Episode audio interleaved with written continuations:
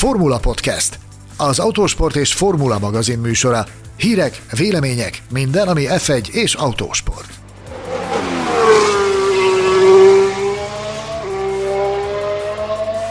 Hogyan szerepelnének a Rally VB, a MotoGP, a NASCAR és a többi top széria világsztárjai a szágódó cirkuszban? Ki jutott el a király kategória kipróbálásáig, és miért nem került be végül a Forma 1-be?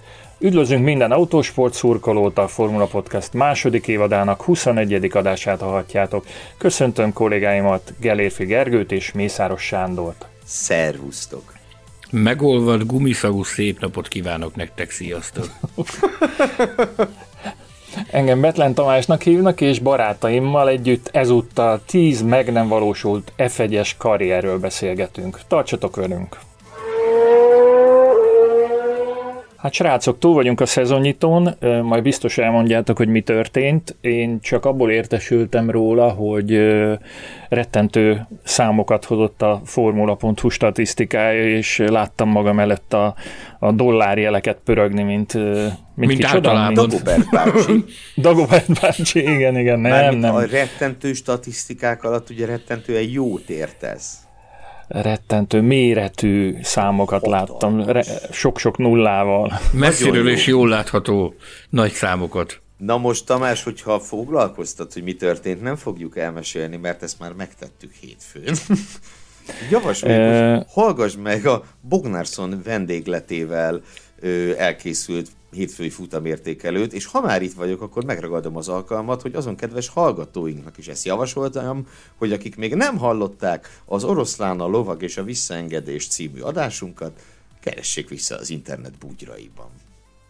Meg kell, hogy mondjam, hogy nem csak, hogy megnéztem a szezonnyitót, ami szerintem azért lehet, hogy elvárható tőlem, hanem, hanem meghallgattam a podcastot is a mai napon, úgyhogy gratulálok minden jeles kollégának és minden résztvevőnek. Kíváncsian várjuk a reakciókat Bognárszon egész, egész estés fellépéséről. Érkezett már valamilyen visszajelzés? Hogy fogadták a kedves hallgatók? Bognárszon ellopta a bulit a szárnyas fejvadász külön díjjal a Formula Podcast Facebook csoportba érkezett kommentek alapján a hallgatók tetszését nagyon elnyerte az, hogy Bognárszon úgy döntött, hogy útjára indítja a szárnyas fejvadász külön díjat.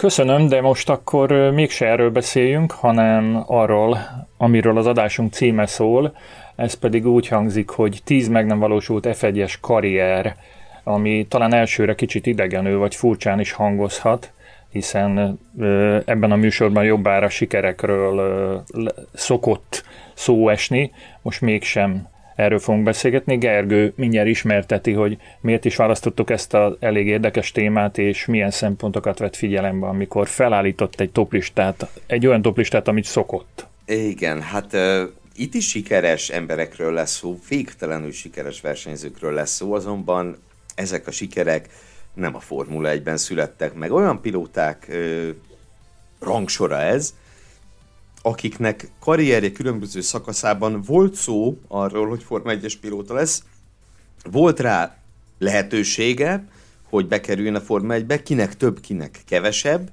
az azonban közös, hogy mindenkivel kapcsolatban téma volt az, hogy belőle Forma 1-es pilóta lesz, azonban ez nem valósult meg, összesen ketten vannak a lista tagjai között, akik rajthoz álltak egy-egy Formula 1-es nagydíjon, ennyire azért megengedő voltam, hogy aki egy nagydíjon rajthoz áll, azt még ne nevezzük Forma 1-es karriernek.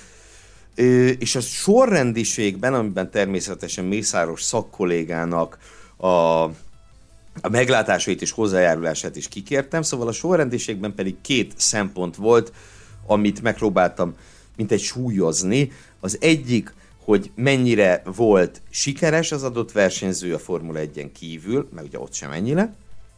A másik pedig az, hogy mennyire volt komoly az ő Formula 1-es úgymond próbálkozása, mennyire volt nagy az a szansz, ö, a, nagy a, az esély az ő Formula 1-es bemutatkozására. Úgyhogy így, így alakult ki ez a lista, hogy maga az ötlet honnan jött, azt meg majd később elmondom. Honnan jött az ötlet, Gergő? A lista egyik szereplője kapcsán szeretném elmondani.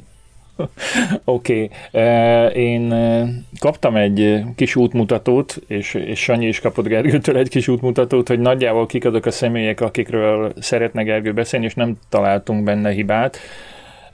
Természetesen egy, egy külön, díjast, külön díjast is választott Gergő jó szokásához híven. Én, minden, én csupán egy, egy apró közbevetést, ami nem is olyan apró közbevetés szeretnék tenni, ez pedig egy személy, aki, aki a más motorsportban futott rettentő nagy karrierje után azért, azért a Forma 1-ben is alkotott egy, egy maradandót. Sanyi fog beszélni arról, hogy ki volt ez az ember, és hogyan találkozott vele, és miről beszélgetett. John Surteesre gondolsz?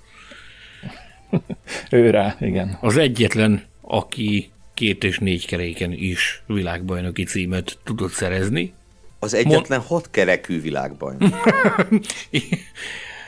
John Surtees ugye 1964-ben volt a Forma 1 világbajnoka. Azt, hogy motorra mikor volt világbajnok, azt megmondom őszintén, nem tudom megmondani, ha... Több ízben. Ennek előtte. Több ízben, több ízben volt, persze, ez, ez, ez nyilvánvaló, hogy előtte volt motoros világbajnok.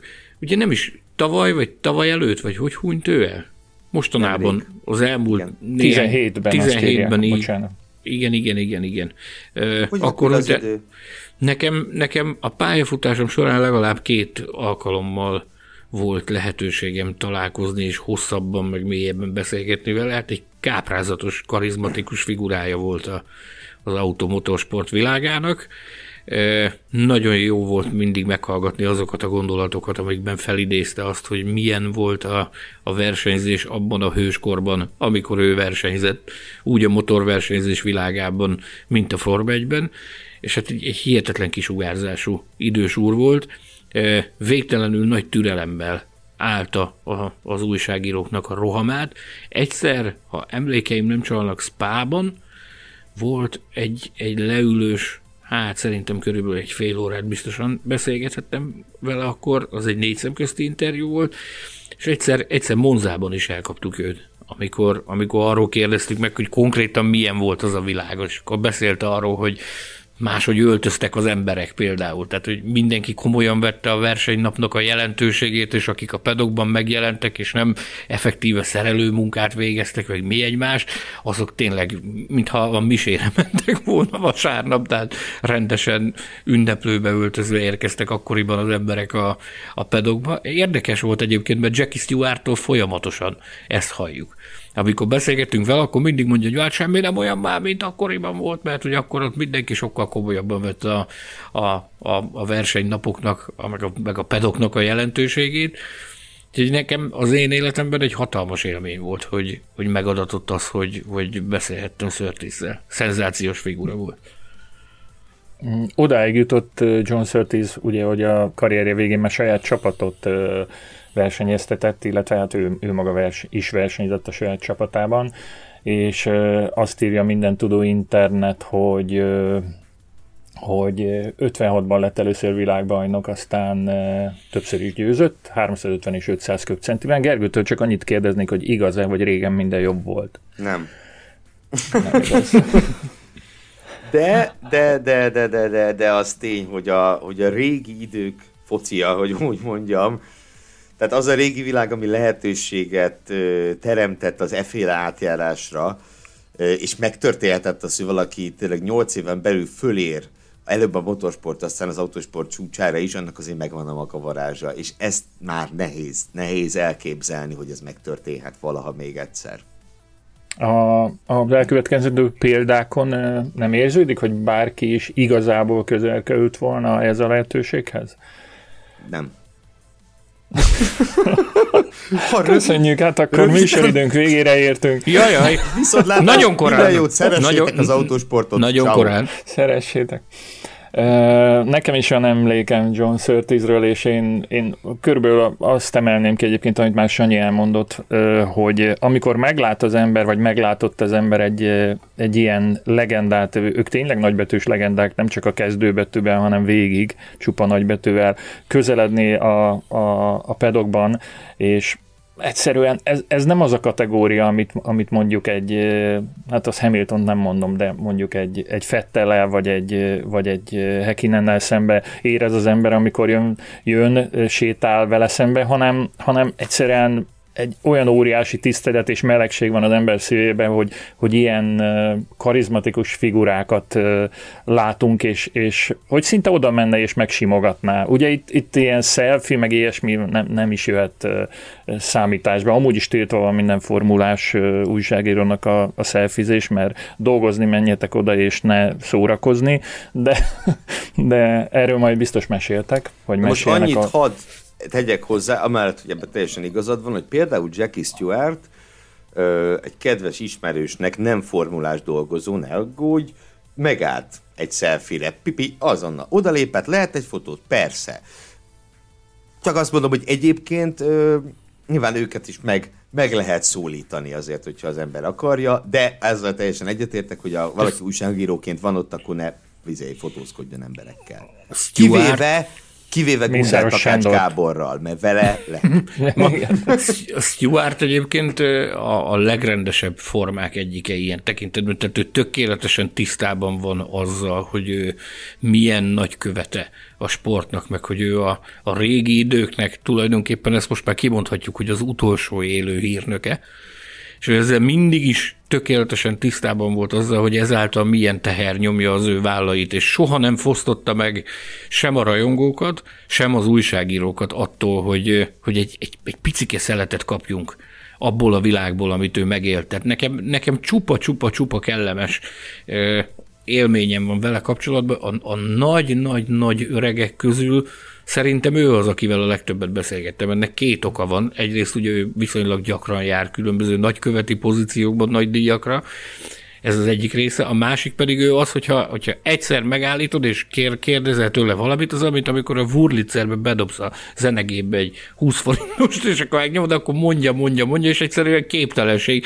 De nem is akarod, hogy abba hagyja, mert szenzációs, ahogyan beszél, amilyen előadói készségei van. És néha egyébként a, a Stuart-tal kapcsolatban néha ő maga mondja, hogy te figyelj már most, egy idő után egyébként megismerted, ami, hogyha so elég évet eltöltesz a környezetében, akkor, akkor, akkor megismer, el tud helyezni téged a térképen, sőt, még a nevedet is megtanulja. A kereszt nevedet, és a, a, a kiváltságosak közé tartozol, akkor úgy van. Tehát nekem több olyan szelfém van, amit ő maga mondott, hogy tehát már most nem beszélgettünk, nem tudom, egy, a franc ugye tavaly beszélgettünk legutóbb, akkor most beszélgetünk, akkor csináljuk egy képet, egy közös képet. Tehát nekem több ilyenem is van.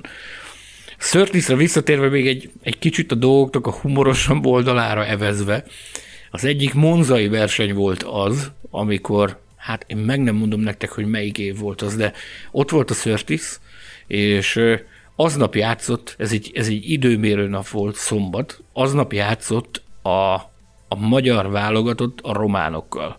Már nem emlékszem, hogy milyen, nem emlékszem, hogy milyen, milyen apropó volt. A lényeg az, hogy egy helyen voltunk megszállva, és rendeltünk egy pizzát, és a, a, a kivonultunk a kertbe a, a hotelnek a kertjébe, és ott, ott fogyasztottuk el a pizzát egy padon.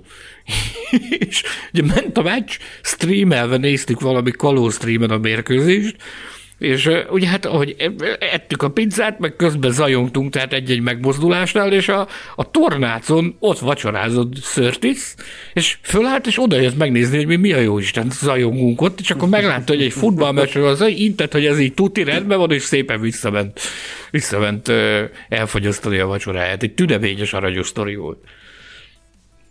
A meccs eredményére nem, nem, nem emlékszem, megmondom őszintén. Hát az kellene egy évszám, mert elég gyakran játszunk a románokkal, de most uh, még egy zárógondatot engedjetek meg John Surteesről, aki 64-ben lett ugye Forma 1 világ, Forma 1-es világbajnok, és előtte számtalanszor gyorsasági motor, motorkerékpár világbajnok, és így aztán ezzel az eredményével felülemelkedik mindazokon talán, akiket majd Gergő mindjárt elkezd sorolni, hogy micsoda Én? mezőnyel... Hát majd együtt.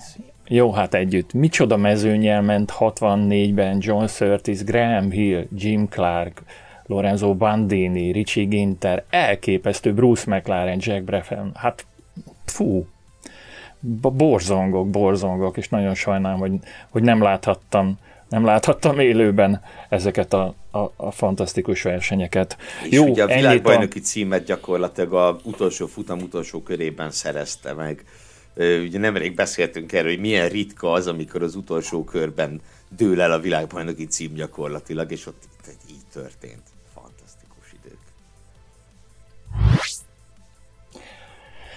Kezdjük a külön díjjal, amivel szoktuk kezdeni. Gergő ezt az elismerést máshogy hívja, valamilyen angol szavakat Honor, használ. Honorary mention. Az miért, miért beszélsz angolul egy magyar adásban, ezt így megkérdezem. Az honorary mention nem egészen külön díj, hanem, hát de végig is az. Mindegy. Valaki, akit mindenképp meg akarsz említeni, de nem passzol egészen a listára. Hmm, hát így. Van-e tippet, Sanyi, hogy ki, kit illet a külön díj? Colin McRae. És hol találkoztál vele? és mikor? Képzeld el, hogy soha. Nem. És ez nagyon nagy szívfájdalmam nekem, hogy soha nem találkoztam Colin McRae-vel, mert Hát ugye ő is korábban, korábbi adásokban beszéltünk erről, és Sainzra szoktam azt mondani, hogy, hogy szerintem ő az, aki a legnagyobb hatást gyakorolta az egyetemes autosportra a rally pilóták közül. Hát Colin McRae is azért meglehetősen nagy hatás gyakorolt emberek generációira, tehát több olyan generáció van Magyarországon is, a magyar autóversenyzők között is számtalanszor hallottam már, hogy a fő inspiráció, ami miatt elkezdtek versenyezni, az a Colin McRae féle látványos versenyzés volt, amit, amit produkált a, a VRC-ben, és ugye megjárta ő a Dakar is, egyebek mellett. Szóval a, a honorary mentionünk Colin McRae, aki, hát az élményem vele kapcsolatban sajnos, azt, azt soha nem fogom elfelejteni, azt a, azt a vasárnap ö, hajnalt, vagy reggelt, vagy nem tudom, hogy mikor volt, hogy, hogy hogy történt az pontosan, de talán egy vasárnap hajnalom volt az, amikor megtörtént az a szörnyű helikopter baleset. 2007-ben, talán, ugye? 2007 volt, uh-huh. igen, mert igen, abban a, igen abban az évben voltam a, a Race of champions Londonban, amikor a Wembley stadionban volt egy nagyszabású megemlékezés a Race of Champions kezdete előtt Colin mcrae amikor Alistair McRae vezette be a subaru és London dudáktól volt hangos, szóval hát elképesztő veszteség az, hogy, hogy úgy ért véget az ő földi pályafutása, ahogy, de azt abban szerintem egyetérthetünk, hogy, hogy egy nagyon nagy hatású autóversenyzőről van szó. Így van, így van, és nem véletlenül, mondd csak Tamás. Mit nem véletlenül? Mondd el inkább te. Ö, hát, hogy nem véletlenül ö, dobá, dobta be az ő nevét a Jaguar akkoriban, vagy hát ugye nem a Jaguar, a Ford, ö, amikor ők a Formula 1-be készültek gyári csapattal, a Jaguar istálóval, ö, és ő így került föl a listára, hogy egy időben volt szó arról, ugye egész pontosan a Jaguar beszállása körül, hogy ő, hogy ő majd tesztelhet, és az akár egy esetleges Form 1 szerződéshez is vezethet. Na most erről maga Colin McRae mondta el később, hogy szó nem igaz ebből, hanem ez, ez egy PR akció volt a, a Ford részéről. Tehát ugye ezért nem kerültet fölő a listára, mint igazi helyezett, bármennyire is hatalmas versenyző, hiszen nála ténylegesen nem volt szó Forma 1 szerződésről, csak hát az ő nevével ugye mindent el lehetett adni akkoriban, még a Jaguar istálót is. Egyébként ő tesztelt uh, Forma 1 autót, egy Jordan-t tesztelt, de annak is ilyen promóciós jellege volt inkább, minden esetre amilyen köridőtő futott 96-ba a Jordannel, azzal az előző évi brit nagydíj rajtrácsán simán ott lett volna. Tehát ő abszolút megállta a helyét Formula 1-es autóban is a a 95-ös rally világbajnok. Nem akarom, hogy elmenjen az adás abba az irányba, hogy ki mikor találkozott a listán szereplő személyekkel, de muszáj, muszáj mondanom, mert egyik első élményem, hogy 98-ban autóba ültünk Bucko Andor kollégával, és még két két önként jelentkezővel, már nem is tudom, hogy ki volt a másik kettő. Azt de mennyire érdekes, hogy, hogy hárman voltunk csak, és ilyen uh, alacsony költségvetésű út volt, Akropolis Rally felé vettük az irányt, 98 nyarán, és uh, képzeljétek el, hogy felhívtam a, a Petőfi Rádiónak volt az Anyukám világa, Anyukám világa című műsor, nem tudom, ti éltetek-e már akkor, 98-ban, a, a, a milánói főkonzul, vagy ő még a főkonzul, ő Nem vezette. apukám világára gondolsz te? De, akkor apukám világa. Apukám világa, Csiszinek a műsora volt ez. Igen, ő volt. Felhívtam, adásba kerültem, és ott bemondta a műsorvezető, hogy, hogy hogy itt a nagyszerű lehetőség lehet csatlakozni negyedikként egy túrához, ami az Akropolis rallira vezet. Jelentkezett egy fiatalember, basszus, nem emlékszem a nevére. Soha nem hallott előtte ralliról, de beült három férfi közé negyediknek, és, és lementünk, és ezt a rallit megnyerte Colin McRae, és a, a futam végeztével ez a fiú, aki mind, mindünk közül a legjobban beszélt angolul, egy nagyon bonyolult mondatot intézett a sajtótájékoztatóról távozó Colin McRaehez, hogy nekem adnád-e a, a sapkádat, és ő pedig azt mondta, hogy yes, és ezzel a, az óriási hogy hívják ezt a relikviával utazott aztán végig a fején hazafelé. Lehet azóta is a fejében Vajon, vajon mi lehet, lehet vele, azóta... akkor nagyon-nagyon. Lehet, hogy azóta is a fejém neki szerintem. Mindenesetre, ha azt hiszem minden névnél kitetjük azt az, idő, az idézőjelet, hogy mekkora legenda és tehetség és, és szupersztár volt a maga korában az illető, akikről most beszélni fogunk. Sőt, még vannak olyanok, akik ma is óriási legendák, ha jól látom, de, de Mondjuk a leginkább mindenki. közelébe... Igen. Leginkább mindenki, aki szerepel ezen a listán. Vannak bőven, ezt mondtam. Szóval Corin McRae aurájába kerülni és érezni a, azt a kisugázást és a, főleg a szurkolók irányából felé irányuló figyelmet és tiszteletet elképesztő volt. Nem is tudom, hogy, hogy azt hiszem, hogy abban az évben nem sikerült végül, de ott vezette még a bajnokságot, de aztán nem sikerült megnyernie. Ugye 95-ben lett bajnok. 95-ben Akkor... lett bajnok egyedül, viszont ugye volt olyan pillanat, 25 VRC futamgyőzelmet szerzett, rengeteg sokat. Most jó, nyilván Lőbnek meg Ozsiének sokkal több van már, de hát más idők ezek. De volt olyan időszak, amikor ő volt a rekorder, tehát ő a legtöbb futamgyőzelemmel ő rendelkezett. Aztán épp a Sanyi által említett Carlos Sainz ő írta át a rekordját, Sainzét pedig hát a franciák.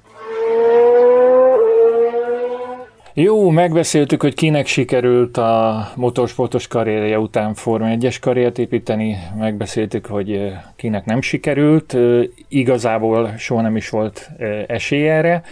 Most következzen a top 10-es lista, méghozzá rögtön a tizedik helyezett, és rögtön egy hölgy, ami talán elsőre meglepő, de Gergő mindjárt elmagyarázza, hogy miért döntött ő így, és miért hagytuk mi jóvá ezt a döntést. Danica Patrickről van szó, akiről nem, olyan, nem is olyan régen, kevesebb, mint egy hónapja nőnapi adásban beszélgettünk, és ő volt az a versenyző, akinek kapcsán eszembe jutott ez az egész lista ötlet, hogy milyen érdekes lenne azokból a versenyzőkből összerakni egy ilyen kis válogatást, akik nem jutottak el a Forma 1 vagy nem akartak, ilyen vagy olyan okokból, de nem lettek királykategóriás versenyzők. És ugye Danica Patrickről akkor hosszan beszéltünk, épp ezért szerintem most csak röviden tegyük, de vele kapcsolatban éveken át téma volt, hogy majd jön, majd jön, majd jön. Bernie Ecclestone is pedig ő egyébként máskor azért a nőkről nem nyilatkozott túl szépen, ugye voltak neki azért megkérdőjelezhető mondatai, de Danica Patrick potenciális érkezésével kapcsolatban ő is nagyon-nagyon pozitív volt, és hát a legközelebbinek 2008 nyarán őszén tűnt ez a dolog, amikor arról volt szó, hogy novemberben a Hondát teszteli majd. Azt a Hondát, ami később Run GPV, még később Mercedes-szé változott. Hát sose fogjuk megtudni, hogy egy Nico Rosberg, Danica Patrick páros hogy működött volna a Mercedesben például. Mert, mert a Honda, a Honda elmenekült. A Honda elmenekült, és amikor a Honda bejelentette a kiszállást, azzal gyakorlatilag véget is ért ez a sztori, mielőtt elkezdődött volna. Később aztán még szóba hozták őt a USF 1 is, de szerencsére abba a sztoriba ő nem mászott bele, mert ugye abból nem lett semmi, meg a csapatból se lett semmi, meg semmiből se lett semmi, ami USF egyet illeti. Hát így nem lett Form 1-es pilóta Danica Patrick, akinek talán a legtöbb, akit a legtöbben vártak volna az elmúlt 30 évben a hölgyversenyzők közül az F1-be. Conteo, hogyha, hogyha ő, ő kerül a, a, mégis bekerül az ülésbe, és aztán valahogy átkerül a, a Brown GP-hez, és, és jól teljesít, akkor lehet, hogy ő a, a világbajnok 2009-ben? Hát nem. nem. Sajnálom, hogy ilyen rövid válaszokat adok ma. De hát nyilván, hát tíz, év, tíz éves tapasztalattal rendelkező Jenson Button újoncként hogy? Nem. nem, nem. De, de az biztos, hogy az indikáros produkciója alapján, az biztos, hogy megállta volna a helyét a Forma 1-be. Az szerintem egyértelmű. Sanyi, neked mi jut eszedbe, hogyha ö, rákeresel Danika Patrikre, és kidobja a Google a képeit? Arra, hogy nagyon sokan mesterkedtek abban az időszakban, amikor ez a US F1 projekt hát papíron szerveződött, de aztán mint, mint utólag kiderült, ebből semmi nem lett, és azok a, azok a nyilatkozatai ugranak be nekem, amiket akkor tett, hogy, hogy ő már akkor mintha utalásokat tett volna arra, hogy úgysem lesz ebből az egészből semmi. Tehát azt mondta, hogy őt valójában nem keresték, de ebből arra tisztán emlékszem az akkori napi munkámból, hogy nekem mindig az volt a, a a benyomásom ezzel az egész projekttel kapcsolatban, hogy ebből, ebből nem lesz semmi, mert a Danika Petrik ez ennyire lehangolóan nyilatkozott erről. Tehát, hogy igen, elismerte, hogy vannak ilyen, ilyen pusborgások, spekulációk mindenfelé, de, de hogy őt valójában hivatalosan soha senki nem kereste meg. Hiába ugye az egy, egy bizonyos érdekkör az igyekezett minél nagyobbra fújni ezt a lufit, hogy majd ezzel a társasággal ő, ő érkezik vagy érkezhet adott esetben a Form 1 Az, hogy, hogy mi jut eszembe róla még, az, hogy óriási szenzáció volt ő a, a, a pálya, az egész pályafutása úgy, hogy van, tehát egy, egy hiper, szuper, giga megasztár ment belőle az Egyesült Államokban. Én akkor is azt mondtam, amit most mondok, ennyi idő távlatából, hogy szerintem jobban járt, hogy nem jött el Form 1 Tehát ha az ő szempontjából nézem, a pályafutása szempontjából nézem, egy nagyon-nagyon-nagyon bölcs döntést hozott meg. Ott ugyanis ugye tolta az indikárt, az indikár után ment a NASCAR-ban is, és ezzel együtt egy, egy, egy, egy óriási sztár lett belőle, aki a mai napig egy ünnepel sztárja az Egyesült Államoknak. Tehát abban az időben, amikor, amikor nagyon ment a karrierje, tehát tulajdonképpen nem volt olyan termék, amit ne reklámozott volna. A, a legnagyobb vállalatok, a legnagyobb cégek használták őt reklámarcként, érthető, érthető módon egy nagyon helyes hölgyről van szó. E, és én, én Csinos, a... intelligens, sikeres, tehát minden van, adott volt. Minden adott volt ahhoz, hogy, hogy, hogy ő ilyen karriert csináljon az Egyesült Államokban. Én úgy gondolom, hogy, hogy ha átjött volna a Forma 1-be, akármilyen eredményt ért volna el, én úgy gondolom, hogy ott üzleti szempontból, meg karrier szempontból az Egyesült Államok vonatkozásában valami megszakadt volna.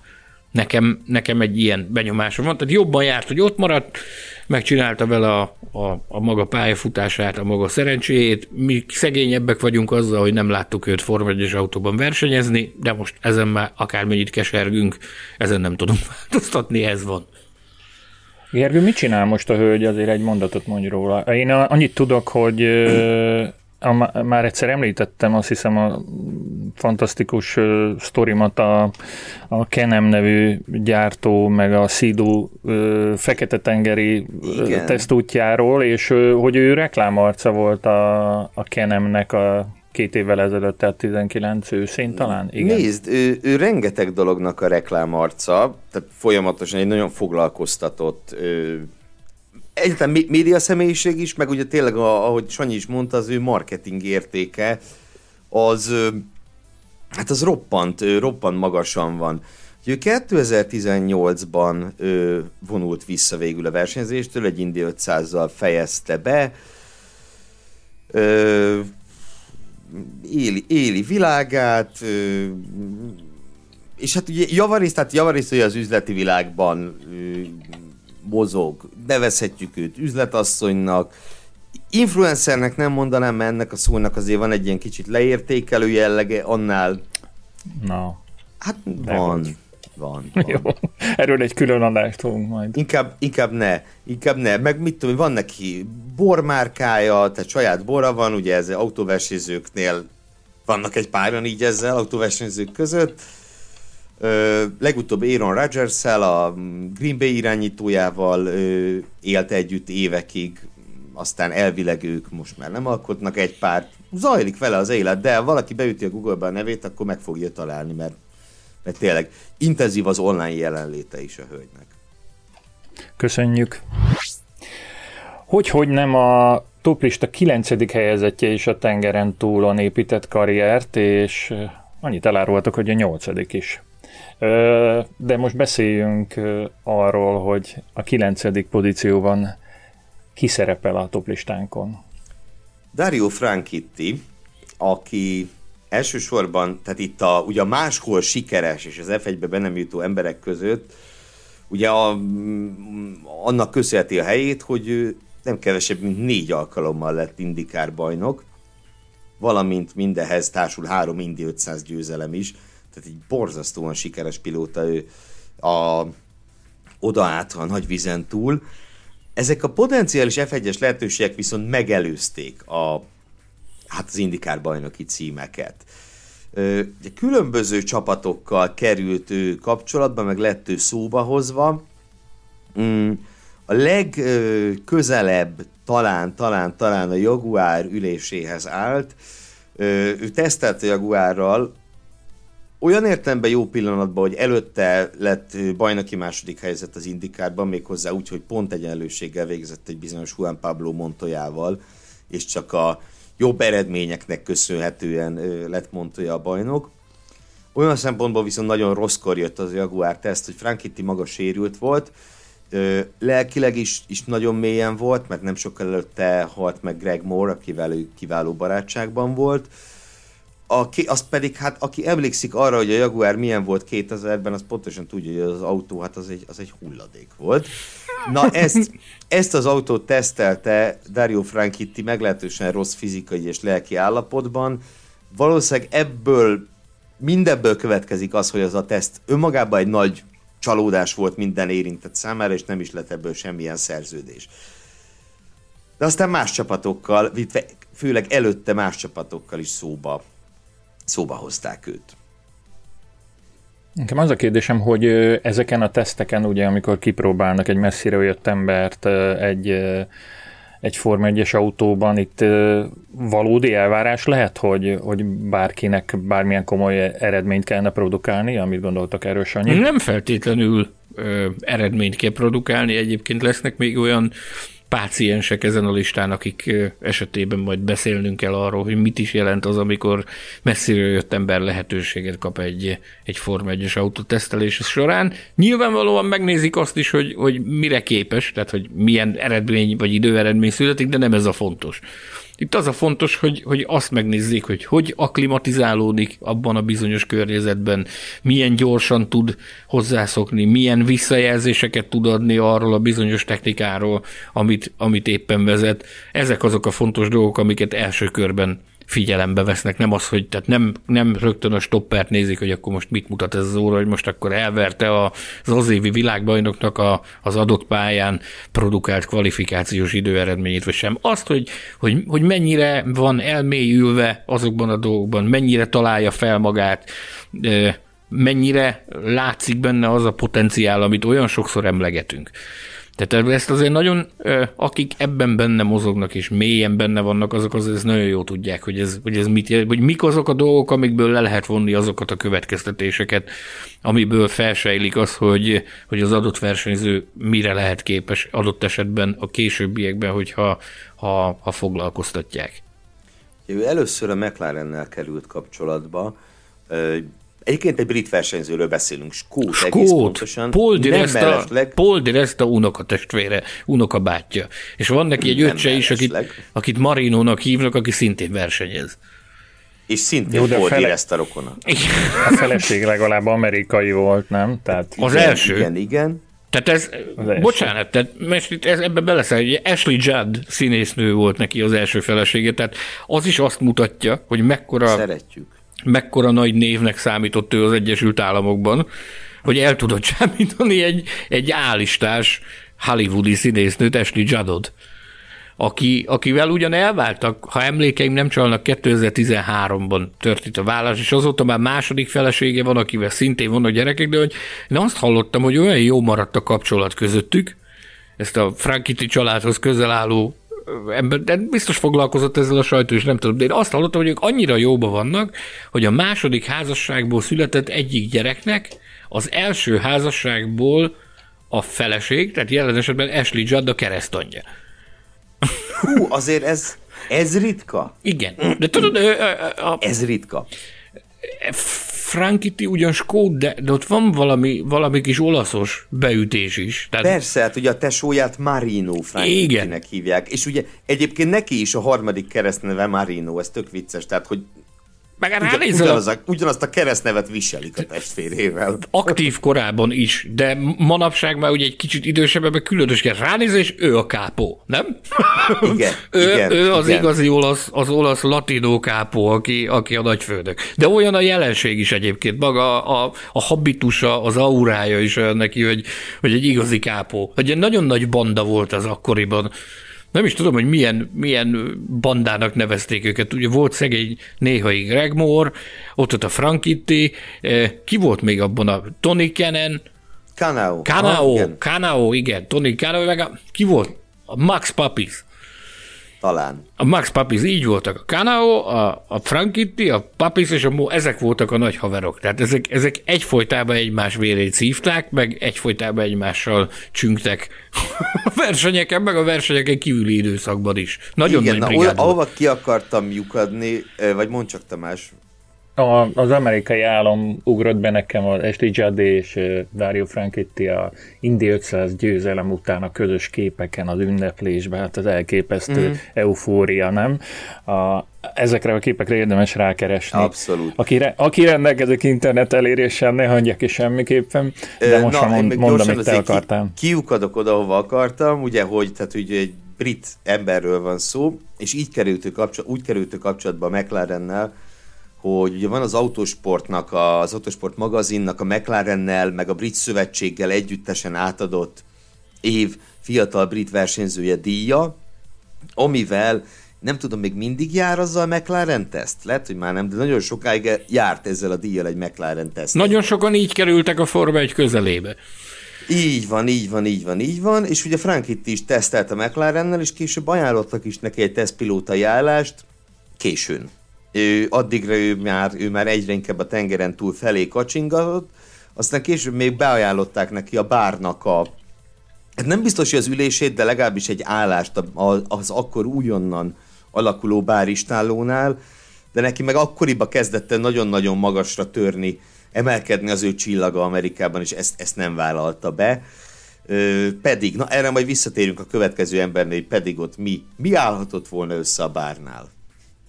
A, következő ember már nem indi érdekeltség lesz, ezért még erről váltsunk egy gondolatot, bocsánat, hogy húzom az időt, és nem, nem hagyom mondani a nyolcadik helyezettet, hogy az indikárból azért érkeztek pilóták a Forma 1-be, és eléggé változatosan szerepeltek. Erről mondanátok egy, egy-két gondolatot? Hát igen. Um, persze, tehát itt voltak nagyon nagy sikersztorik, már Jacques villeneuve tehát most ha az elmúlt időszakról beszélünk, vagy az elmúlt évtizedekről beszélünk, akkor Jacques villeneuve kell az első helyen említeni. Nyert ott, nyert itt. Röviden ez a sztori lényege, gyakorlatilag négy év leforgás alatt mind a két az óceán mindkét partját leigázta. És meghallgathatjátok Ott... az egyik korábbi adásunkban azt is, ahol vendégül láthattuk Jacques villeneuve és beszélt arról, hogy milyen volt az indikár után bepattani egy Forma 1 autóba. Elég részletes leírást adott erről ebben a bizonyos interjúban. Bizony, És bizony. Montoyát mikor fogjuk meghallgatni, hogy ugyanez az érzés milyen volt? Közeleg.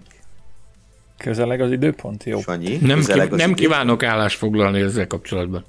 Figyelj, ha azt mondjuk, hogy közeleg, az még semmit sem jelent. Akkor közeleg. Napról napra közelebb van. De nyilván van ellenpélda is. Monzában a szegény... lesz Monál, majd megnézzük, hogy mi a helyzet a tojtól. Ott van, ott trónol le.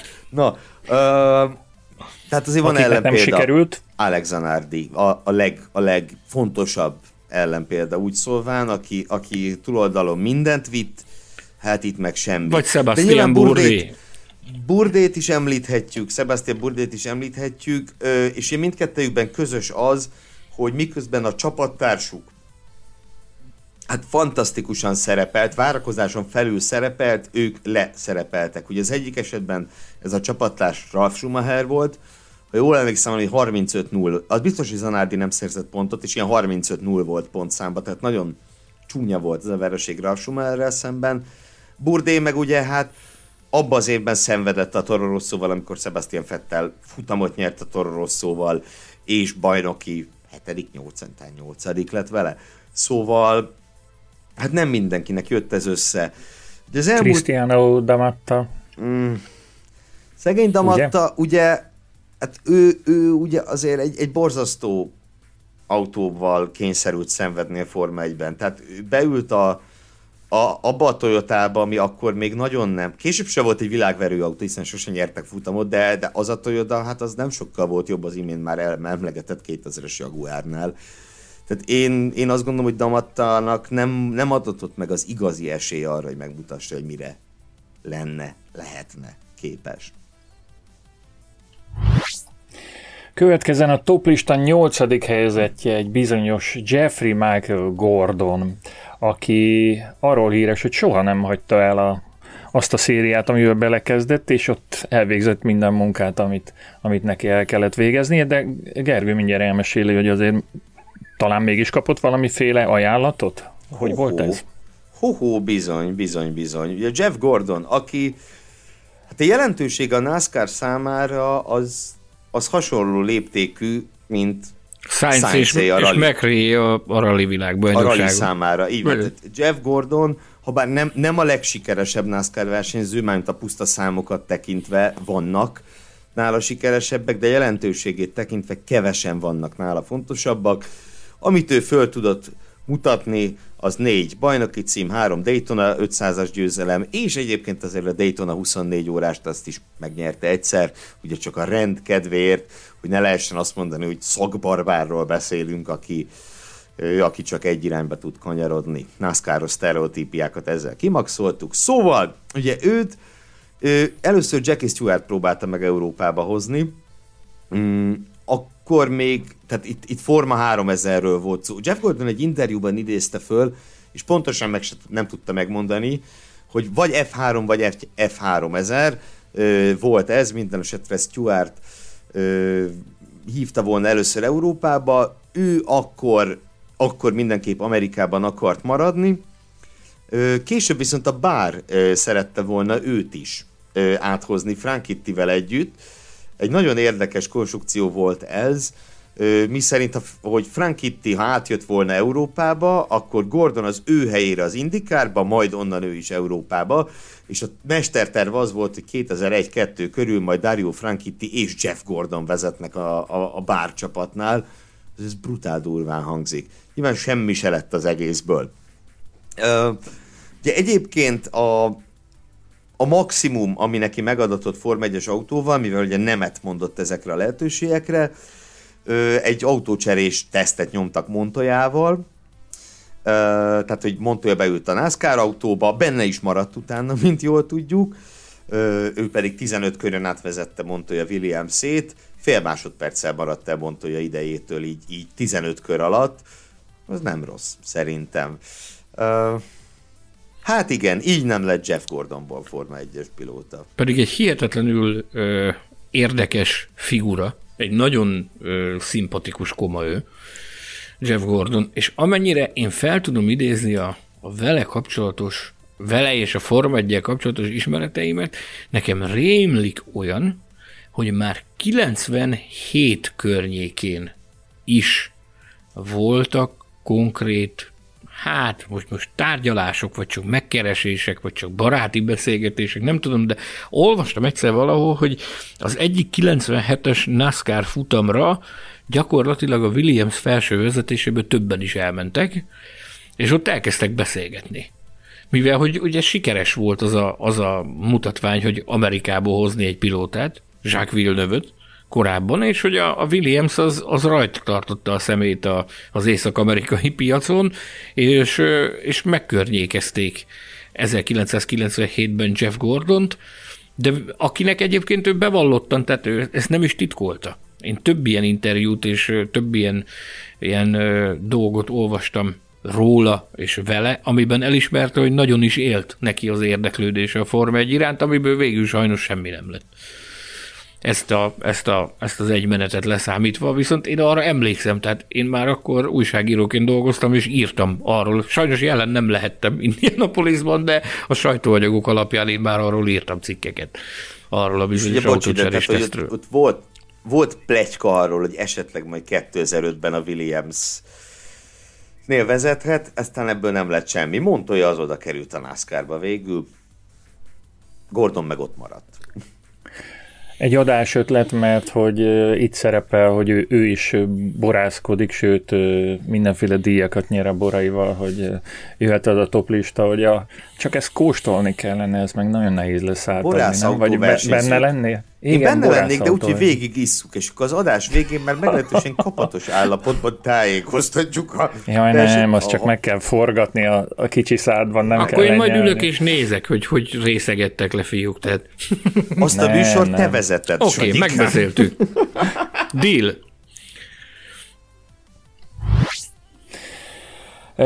Kedves hallgatóink, nem ért véget még a műsoridőnk, sőt egészen az elején járunk. A 10 meg nem valósult Form 1-es karrierről beszélgetünk, és a toplista hetedik helyezettje következik, akit nagyon nem kell bemutatni, azt hiszem egyik őket se kell, hogy Sanyi ezt már említette volt.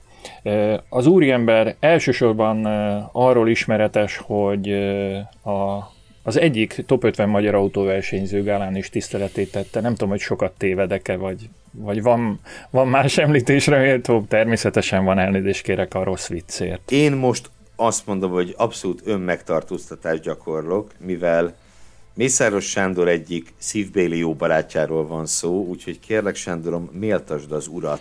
Jean-Louis Lessernek hívják. Köszönöm szépen a lehetőséget, hogy méltathatom. Nem tudom, hogy az megvan-e az Autosport és Formula magazin gála eseményén. Ugye életműdíjasunk, Jean-Louis Lesser életműdíjat adtunk neki abban az évben, amikor vendégül láthattuk őt a, a gálán. Arra emlékszel -e, amikor ugye az én feladatom lett volna az, hogy, hogy méltassam őt, és mit csinált? belém folytotta a szót, és a pulpituson ő méltatott engem. Úgyhogy most visszaméltatom. Tehát eh, az egyetemes autóversenyzés történetének az egyik legkülönlegesebb és legszívósabb és legelszántabb, legvérmesebb alakjáról beszélünk, aki nagyon sok más autóversenyzőhöz hasonlóan junior szériákban kezdte a pályafutását, Nyilvánvalóan az ő célja is, a- legfontosabb célja az a, az a Forma 1 volt, ugye a bácsikája.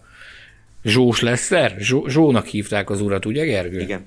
igen. Bácsikája nyomdokaiba szeretett volna lépni, szépen haladt előre a, a, a ranglétrán, eljutott odáig, hogy tesztpilóta volt. Hol is volt tesztpilóta? Első körben?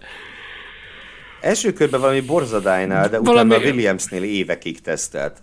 Az RAM, Az erre, RAM, igen, igen, igen. a RAM istálónál. Valami ilyen szörnyűségnél volt ő, ő tesztpilóta, ahol, ahol eljutott odáig, hogy, hogy egyszer előkvalifikált, de, de nem sikerült nem sikerült neki ö, rajtpozícióhoz jutni a, a nagy díjon. Ahogy felidézte, egy, egy borzadály volt az a jármű, szó szerint. De aztán, aztán kapcsolatba került a Williams istálóval, ahol tesztpilótai státuszt kapott. Sőt, ez 1987-ben már emlékeim szerint akkor már tesztpilótáskodott a Williamsnél, és 1988-ban tulajdonképpen neki is, közvetve neki is szerepe volt abban, hogy a, a McLaren nem nyerte meg az összes futamot abban az évben, ugye akkor történt az az emlékezetes ütközés uh, Ayton Sennával, amit ugye a közvélemény a mai napig meg nagyon megosztja a közvéleményt ez a sztori, pedig, pedig teljesen egyértelmű, és maga Senna is elismerte azt, hogy, hogy valójában az ő hibája volt, nem pedig, nem pedig a zsalló is leszeré. Mindjárt egy picit visszatérünk még az ő Forma 1-es szerepvállalására, viszont ha ugrunk tovább, akkor, akkor a Forma 1 után, ahol ezt a lehetőséget ezután a lehetőség után, ugye Menszel helyére ugrott be erre a bizonyos, erre a bizonyos, ha nem tévedek, vakbél műtétje volt Menszelnek akkor. Beteg volt, valami baja volt. Valami nyavajája volt neki, igen. A, a beugrást követően több babér nem tervett számára a Forma 1-ben, ö, ezért más vizekre elvezett, a sportautó világbajnokságon csinált nagyon nagy karriert, ahol, ahol egyebek mellett a Mercedes, a Sauber Mercedesnek volt a, az egyik fene gyereke és sok egyéb más mellett Mihály Schumacher pallérozásában is szerepet vállalt, majd pedig miután a pályaversenyzésből elege lett, és megnyert mindent. És azért azt, azt, azt, most, de azt mondjuk el, hogy két világbajnoki cím. Igen, igen, igen, igen, igen, igen, igen. Ez fontos? Na, mondhatni fontos, igen, nagyon fontos.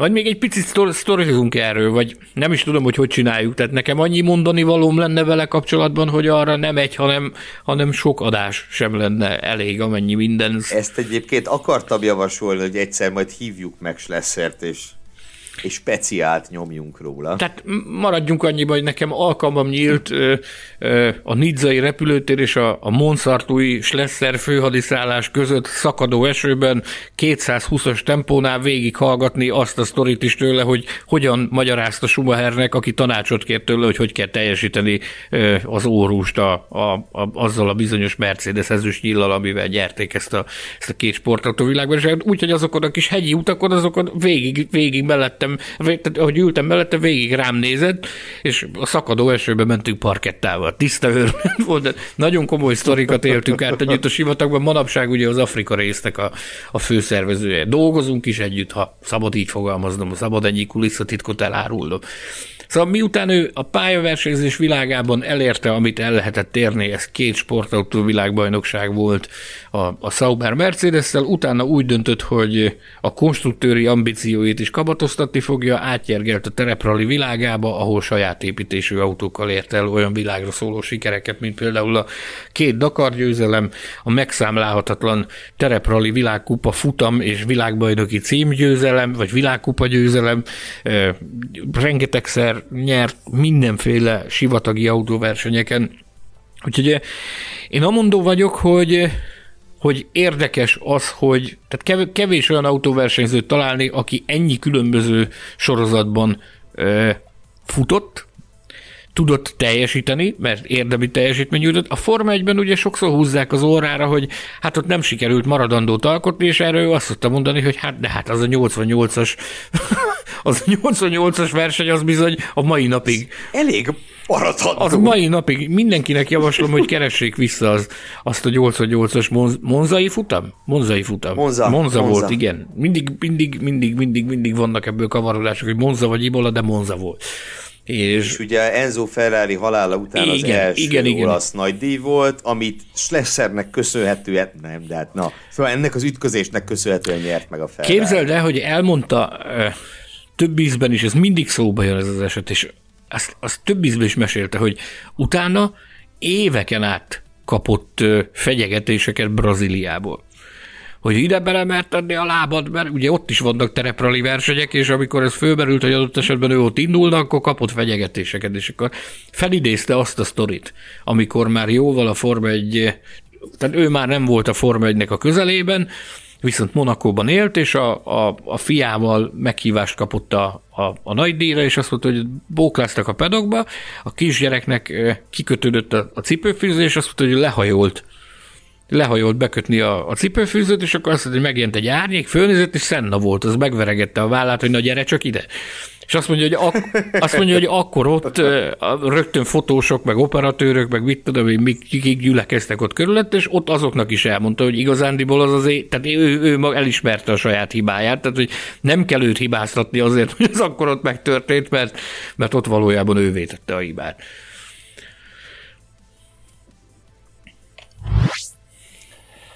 A toplista ötödik helyezettje helyett a hatodik helyezettjéről beszéljünk még egy kicsit, ugye? Helyes ez? Ehhez Gergő, vagy Őről az ötödik? szeretnék, mert óriási kedvencemről van szó. És mi lenne, hogyha nem? Na, gondoltam, hogy lefoglalod. Jó. E, akkor csak a nevét hadd mondjam ki. André Lotterer. Nagyon gyönyörű neve van, de nem emiatt szeretjük elsősorban. A többi nevét is mondhattad volna te. Ezt senki nem tiltotta meg. Na, Lotterer. Uh, Hát ő is egy sokoldalú versenyző, hasonlóan ö, Schlesser. Ez nem pont ugyanúgy, de, de van közös pont náluk, mégpedig Le Mans. Le Mansban Lotterer a, a sikeresebb, ugye háromszoros Le Mans győztesről beszélünk, Trelujével és Fesslerrel együtt, tehát ugye ez a, ez a hármas ö, négy év alatt ö, tudott háromszor nyerni Le Mansban, Világbajnok a VLC-ben, Superformula bajnok, Super GT bajnok, Formula E-ben ért el sikereket, páratlanul sikeres karrier van mögötte, és ugye Schlesser mellett ő a másik tagja a listának, akinek egy Formula 1-es nagydíj megadatott. 2014-ben a Caterham színeiben indult el egy belga nagydíjon, ahol ugye beült az autóba pénteken, szombaton az időmérő már kifújta az orrát Ericssonnak. Nem kicsit nagyon. Már nem kicsit nagyon. A, igen, és aztán másnap a második körben állt meg alatta a vas.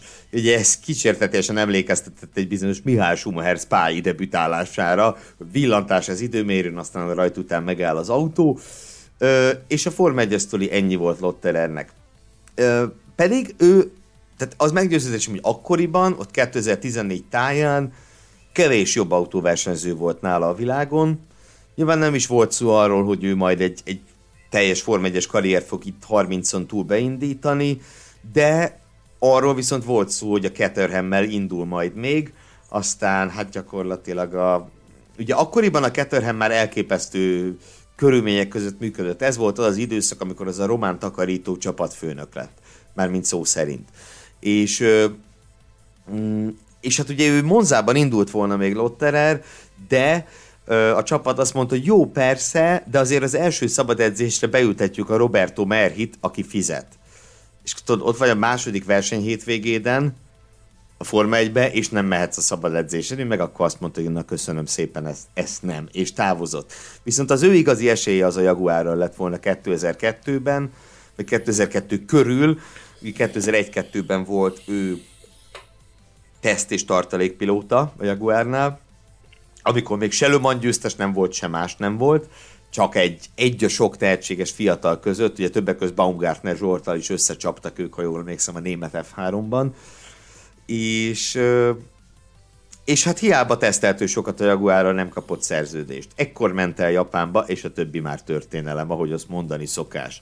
Na de, mit kell még tudni André Lotter erről, Sanyi? Van egy nagyon fontos dolog, amit tudni kell róla. Na, melyikkel kezdjem? Nekem, nekem több mondani valóm is van André Lotter erről. A, az, a, az, az a bizonyos Form 1 beugrás, azt én fel tudom idézni 2014-ből. Az úgy kezdődött, ugye, ha nem tévedek, szerdai napon történt meg a bejelentés, akkor érkezett meg a bejelentés, hogy André Lotterer vezet a két erhemnél. És arra, Néztem, mint hal a szatyorban. Arra tisztán emlékszem, hogy mentünk a, a, az autópályán, a belga autópályán, ott az autópályáról egy ilyen, az egyik autópálya parkolóból indul egy kis, egy kis homok összekötő út, ami, ami utána a sajtóútra vezet, amivel fölmész a pályára.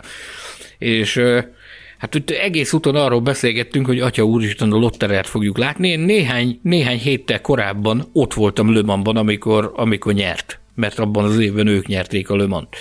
Fészlerrel és Trelüjével, hogyha nem tévedek.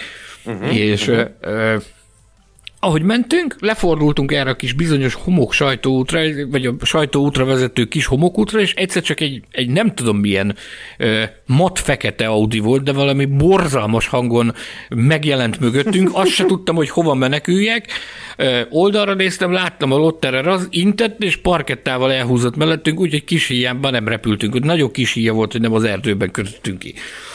Ez volt a reggeli órákban. Majd a kéteremnek volt akkor az az érdekes kicsike kis motorhomja, meg volt hirdetve kora délutára, hogy akkor tartanak egy kerekasztal beszélgetést a, a, a lottererrel, és azt, azt soha nem fogom elfelejteni, hogy életemben akkor volt először halálfélelmem, Forma 1-es motorban, ugyanis annyian zsúfolódtunk össze a felső szinten, nem számítottak rá a két erevesek, hogy ez ekkora őrületet fog kiváltani, hogy gyakorlatilag a félpedok ott volt fel, és érezted, hogy billeg a motorom. Tehát a, a sajtófőnök hozott embereket, akikkel elkezdtek onnan kiterelni mindenkit, és több részletbe tartották meg a, a, a sajtóbeszélgetést. Még van is egy, van is egy kép amit az egyik belga kollega készített rólunk, ahogy, ahogy ott beszélgettünk. Na de... Na, nagy Ez sztár, melyik na, motorhon volt? Bocs, hogy kiktől örökölték? Tudom, de előtte Lotus ki, Racing ki, volt. Is volt. És előtte? Azt nem örökölték sehonnan. Az... Többször nem örök, új, ah, új Ez egy kis, kis tákolmány, kis motorhon volt. Utána még, utána még hasz... A féles fészer. Igen. Inkább. Utána nem tévedek, a Honda vette meg egy időben, a Honda használta ugyanazt a motorhomot. Na, a, a sztorinak, tehát, hogy, hogy mi a a, a következő, amit mondani szeretnék vele kapcsolatban, az pedig tavalyhoz, bármilyen hihetetlen még a, a nagy világjárvány előtti sztori. Január végén utaztunk Dél-Franciaországba barátokkal. Akkor még ugye Afrika rész után voltunk, hazajöttünk, egy kis időt töltöttünk itthon, és és szerveződött egy kis kiruccanás Dél-Franciaországba, és azt tisztán emlékszem rá, hogy egy hétköznap volt. Egyébként csak jelzem előre, hogy ez egy bejelentés is szerintem. Legjobb tudomásunk szerint feltúrtuk az internetet Gergővel, ez éles körben nem ismerős ez az információ, amit most mondani fogunk, és lehet, hogy a, a Lotterer feléken is fog billenteni engem miatt, hogy ezt, hogy ezt elárulom. Szóval Jövőre hol fog vezetni? Ne, ne, ne, ne hallgassd a sztorit. Figyelj, Kován. Egy, ha emlékeim nem csalnak, egy csütörtöki estén lomotoltunk egész nap, csütörtök este repültünk, frankfurti átszállással Nidzába. És ott hát szédelektünk pár a reptéri buszon, ami a, a nidzai géphez vitt, már beszélgetni is nagyon volt kedvünk, meg ki volt ütve mindenki, fáradt volt a társaság, és akkor kapaszkodtam a, a reptéri busznak az ajtaján, ami, ami ugye a nidzai géphez itt, oda néztem, és egyszer csak megjelent a lotterer. Atya úr is, ez mit keres itt? Abszolút full civilben volt, és akkor elkezdtünk, elkezdtünk méregetni egymást. Hát ugye több ízben is találkoztunk, hogy elkezdtük méregetni egymást, majd végül ugye van az a, tudod, az a pillanat, amikor valakit megismersz, és akkor nem tudod, hogy hova helyezd el az időben, meg a térben. Én ugye el tudtam őt helyezni abban a pillanatban, viszont azt láttam, hogy ő nagyon méreget. Nézd, ez nem a mészár. a végén meg, valahogy, valahogy megtört a jég, elkezdtünk beszélgetni egymással, és akkor miután mondtam, hogy honnan, meg hogy hol találkoztunk, meg hányszor, meg milyen, akkor, akkor úgy mondta, hogy na, így most már az így közelebb van a, a, a megoldáshoz. És akkor annyira elképesztően jó fej volt, hogy a, a repülőn még variált a helyekkel, hogy, hogy közel tudjunk ülni egymáshoz, és ott folytattuk egész utolnidzáig a beszélgetést. Egyébként az Instámon, ami hogy hangzik Tamás?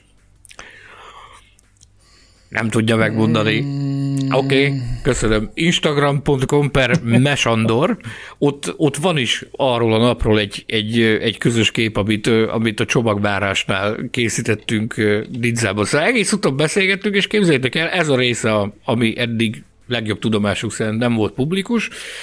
Ha van igazán magyaros le Mans győztes és, és endurance versenyző, meg, meg, meg sokrit tapasztalta rendelkező autóversenyző, akkor az André Lotterer. Ugyanis elárulta nekem, hogy az anyukájának a, az apukája, tehát az anyai nagyapja gyakorlatilag magyar származású, egészen pontosan Balaton szemesről, meg Balaton szemes térségéből ö, származott el a, az úriember, és van is neki, van is a Lotterernek családja, tehát vannak, vannak rokonai Magyarországon, sőt, azt is elárulta, hogy azért, azért szokott jönni nyaranta balatonozni, amikor az ideje jönni, akkor el ki ruccanni a Balatonra. Úgyhogy aki abban a térségben jár nyáron majd, amikor lehet majd utazni, meg jönni, menni, remélhetőleg ez már az idei nyár is ilyen lesz, akkor járjatok nyitott szemben, mert az, adott esetben az is megtörténhet, hogy hogy André Lotterer fog napozni mellettetek a strandon.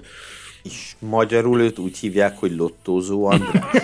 Nem, de ezt majd fölterjesztjük neki, hogy, hogy mit, szólna, mit szólna ez, hogyha Lottózó András lenne a magyar neve.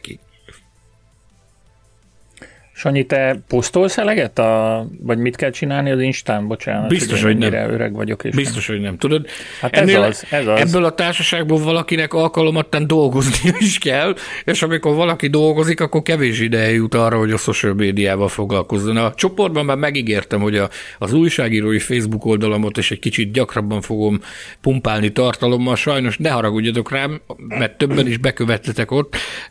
Ritkán van idő, de megígérem, kövessetek, Instán Instán is, meg Facebookon is, és igyekszem, de még Twitteren is ugyanaz, a, ugyanaz az azonosítom mindenütt, Mesandor. Gergő, ellenőrizzük? hétről hétre, hogy hogy halad Sanyi? Innentől muszáj lesz. Körmére kell nézni ennek az embernek. A körmére kell nézni.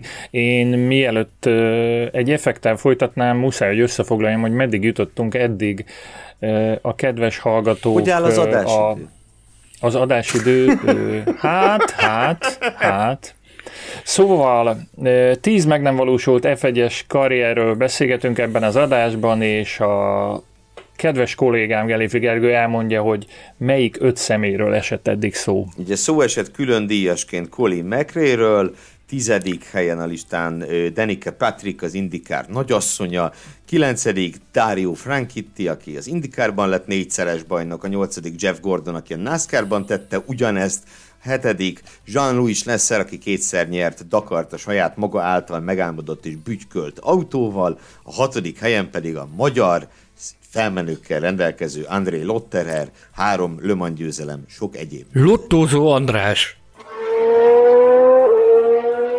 Következzen a toplista első öt helyzetje, és csak megint egy amerikai pilóta.